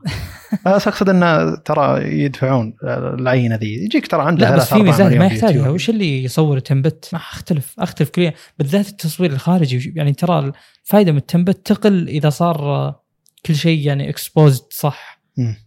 جدا جدا تقل. يعني هو ميزته بس أيضا ال versatility وقت التعديل اني أقدر أعدل. بس أيضا بي- بيلقطك الالوان 8 bit ما تلقطها. نوعا ما فعموما بشكل عام أنا أختلف. إذا على كذا أجل والله بسمي C500 vloggers camera يعني آه، أشوف انها غير منصفه التسمية ابدا. لا آه، لأن في تركيز على ال auto focus على اللايبس طيب تركيز عادي، على ان. الشاشه تنقلب تركيز. على مو مشكلة. ك... لأن اختلاف المسميات ما يعني إنه مو مركزين على الشيء لا ذا. بس ما أقول vloggers وكأن أي شخص يستخدمها استخدام أعلى من كذا إنه يعني طيب الحين travel الكاميرا لو ياخذها واحد وما يسافر معناته إنه لا، هذا مسمى مسمى ذا يصير غلط. أو كأنه يقول لك إن هذه الكاميرا وش تقدر توفر لك أكثر مقابل اللي فوقها أو توفر لك ميزات غير موجودة باللي فوقها؟ بالذات يصير موضوع اللي هو انك إنها compact صغيرة يعني. يعني أذكر إم كي بي اتش دي قد قال شرى ال EOS R وقال بعتبرها ذي إذا سافرت. وإذا سافر يعني ما عنده محدودية على كلامه إنه ما يقدر يجيب ال RED مثلا فكان يستخدم هذه. ال RED تحتاج شنطه لحالها يعني. مم. آه، فعشان كذا أنا أقول إنه يعني هذا هذه التسمية أكثر منطقية لأنه ممكن تلقى كاميرا مثلا زي C200 آه، تقريبا مقاربة لل 1DX في تقارب يعني نوعا ما. آه، بس الفرق بينهم وقت ال- الحمل يعني. وقت ال... يعني هذه مثلا يسمونها workhorse إذا قال لك هم حقين الكاميرات. إذا قال لك workhorse ولا run and gun ولا أي شيء من ذا الكلام دليل الكاميرا تشيل نفسها بنفسها. ما أحتاج مثلا stabilizer لها أو ما أحتاج عندي فلتر ما أحتاج آه، خلينا نقول focus يعني أشياء زي كذا بطارية آه، ذاكرة من ذا الكلام. يعني الكاميرا آه، تتحمل ظروف يعني تتقبل ما عندها مشكلة. فهذا الفرق بين الاثنين. يعني يكون ال trade off ما هو ميزات أعلى. يكون ال trade off إنه هي تقنية. هي تشتغل بنفسها على طول. إي يكون ال trade off إنه لا إذا تبي كاميرا ممكن ما تصور فيها وقت طويل أو ما فيها كذا وكذا خذ الكاميرا الأصغر. أشوف إن هذا أكثر منطقية من نقول والله حقت vloggers ولا الكلام أنا شفت يمكن أكثر من خمس تجارب لل a7 III بس بس واحد يصور يستخدم ذي الكاميرا هو عنده استوديو في كل مليان a7S II بس إنه إذا سافر يستخدمها أيضا. فهو يستخدمها تقريبا hybrid خلينا نقول. هي جميل ف- إنك ما تدفع على شيء واحد يعني إنه هو يستخدمها للسفر وإذا رجع يقدر يستخدمها زي ما يستخدم كاميرات سينمائية ويحط عليها كم شغلة يحط عليها ستين recorder يقدر يسجل إلى 16 bit مثلا. حلوة الشغلة ذي لكن آه، القيمة مقابل السعر والسالفة. ذي ما تسوى بالنسبة لي. يعني أنا قد شفت واحد يصور نفسه ب Blackmagic Pocket Cinema 6K يعني شيء يعتبر مبهر أكثر من ذولي اللي يشيلون كاميرات عادية صغيرة. بس سيء. شيء يعتبر اي متعب لأن لأن ما في. depth of field خلاص لازم يحط فتحة الأجزاء يعني أوسع. ما يق- ما يقدر يثق يعني. يقدر يستخدم manual focus إذا عندك شاشة خارجية. أنت شكلك ما شفت المقطع. لا شفت لا. تكلمنا عنه وشايفه بشكل كامل بس إنه ما كان إيه. في depth of field كان ضيق جدا. عموما ما ما نناقش هذه النقطة خلينا نتكلم بالأشياء التقنية الأخرى. ال 4K ال 4K ال HQ بال كانون. ال- الكانون آه، في هذا اللي مصور اللي ذكرت تجربته بالحرارة وكذا يقول إن أنا بالنسبة لي أفضل ال footage حق ال a7S على ال 10 bit بال 4K 4K الحقيقي. ف يعني هذه هذا شيء بالحسبان. آه شيء آخر ذكر اللي هو الايزو ال- يعني low light performance أكيد إنه أفضل بسوني بس آه، هل هو قابل للاستخدام؟ هذا أمر أنت تحدده يا اللي بتشتري. ف ال- ال noise يبين أكثر على ال- بال low ال Q low quality يبين أكثر على الكانون. آه، نقطة أخرى الشاشة ما أدري ليش يعني سوني إلى الآن بنفس الوضع نفس الشاشة طبعا بس أنها يمديك تقلبها. فهذا بالنسبة لي انتقاد كبير على سوني وأنها لا زالت في هذا يعني في هذه النقطة معلقة فيها من سنين. آه، محدودية الايزو على الس- ال S-Log هذه النقطة أنا كاتبها وقلت بتكلم فيها. إلى الآن صراحة ما أدري وش الرقم بحثت ودورت وش الرقم اللي تصور فيه ال- السوني على ال S-Log 2 كم أقل آيزو تقدر توصل له؟ أول كانت 3200 على ال a7S الظاهر a7S II كانت 1600 إن ما خاب ظني. آه على a7 III 800 آه الكلام هذا ليش أنا أقوله؟ لأنه يضرك بال shadows. إذا جيت تصور على آيزو 800 آه مثلا بال shadows يبين ال noise. غيره ما يبين مو مشكلة. وأيضا يحدك بال exposure. يعني مثلا أنا عندي 1.4 العدسة. ما أقدر أحيانا أحط 1.4 بسبب إنها بتخلي المشهد جدا ساطع يعني. فليش ما تقدر طبعا تنزل على ال 800 بال a7 III لأنهم يقولون لك إن هذا standard عندنا اللي هو ال S-Log اللي هو سوني log 2 آه نبي نوصل فيه أو إحنا نقول إنه يوصل مثلا آه 12 stop 12 stops بال dynamic range. فعشان توصل لهذا الرقم لازم تستخدم ايزو 800 بالنسبة لي هذا الشيء يعتبر سلبي لأن ما أشوف إن الايزو هذا أو ال dynamic range هذا حقيقي. يعني مثلا في أحد الأشخاص سوى تجربة أغلب الكاميرات الأخرى جابت كحد أقصى 12.5 12.5 ك stops لل dynamic range بينما ال a7S III جابت 15.1 عنده. فقال أن ال dynamic range فيها جدا ممتاز و as advertised يعني زي ما قالوا سوني إنه فعلا يوصل 15 بس إنه بالأخير نشوف ال footage على 3200 ايزو أنا بالنسبة لي غير قابل للاستخدام للاستخدام. سوي noise reduction لين تقول آمين. بالنسبة لي أنا يعني خلاص وصلت لمرحلة أنت إن ال shadows ما يمديك تلعب فيها بشكل كبير. أه تقريبا هذه النقاط اللي يعني تستحق الذكر إلى الآن. طبعا ما انتهينا. أكيد ممكن نناقش أه يعني أشياء أخرى أه إذا استجد شيء بهذا الموضوع إذا مثلا بدأ البيع أو شيء من هذا القبيل. ال a7S III dual ISO. dual ISO أيوه. يعني إذا وصلت 16000 زي اللي يعطيك دوره جديده ف 16000 أنظف من اللي تحته. بالضبط أي يعني 160 320 640 أي فاهم فاهم الفكرة. إيه هذا كان موجود بالسابق؟ أي موجود من زمان. لا أقصد عند السوني نفسه. اللي أعرفه شوف هو ترى في مصطلحين أحيانا لخبط بينهم. dual ISO dual native ISO حلو. هذا يعني يمكن له علاقة بالموضوع بس اللي أعرفه إن عندهم دي الفكرة. ولاحظت هذا الشيء من قبل. إن عندي ال 640 أحسن من 800 الظاهر وال ضعف 640 ما أدري كم ما أروح أنا فوق طبعا بس إنه أيضا أحسن من اللي جنبه يعني. آه، لكن يبقى بالنسبة لي أنا مع شخص صراحة بناء على تجربتي مع السلوج أنا ما أحبه. آه، صح نقطة تستحق الذكر الكانون آه، أحد الأشخاص المستخدمين الكانون قال لي إن عشانها ما فيها إلا سي لوج 1 الظاهر قال هذا ما أعتبره أصلا سي لوج حقيقي فما ما يفيدني وأنا ماني مستعد اصور RAW بسبب حجم الملفات. فهذا إيه، ف- أيضا انتقاد على الكانون انتقاد على الكانون إن أنت معطيني الحين 10 bit أي ودنيا ولا وما تعطيني. معطيني سي لوج 2 مثلا. ال picture profiles عموما حقت السينمائيات حقتها. أنا إن شاء الله ما ما أحتاج picture profiles إن شاء الله يا ProRes ولا BRAW على ال Blackmagic تقصد. اي نعم. طيب نختم الآن. المفروض أن نختم. مهم. شكرا لكم لحسن استماعكم. والتوفيق السلام عليكم.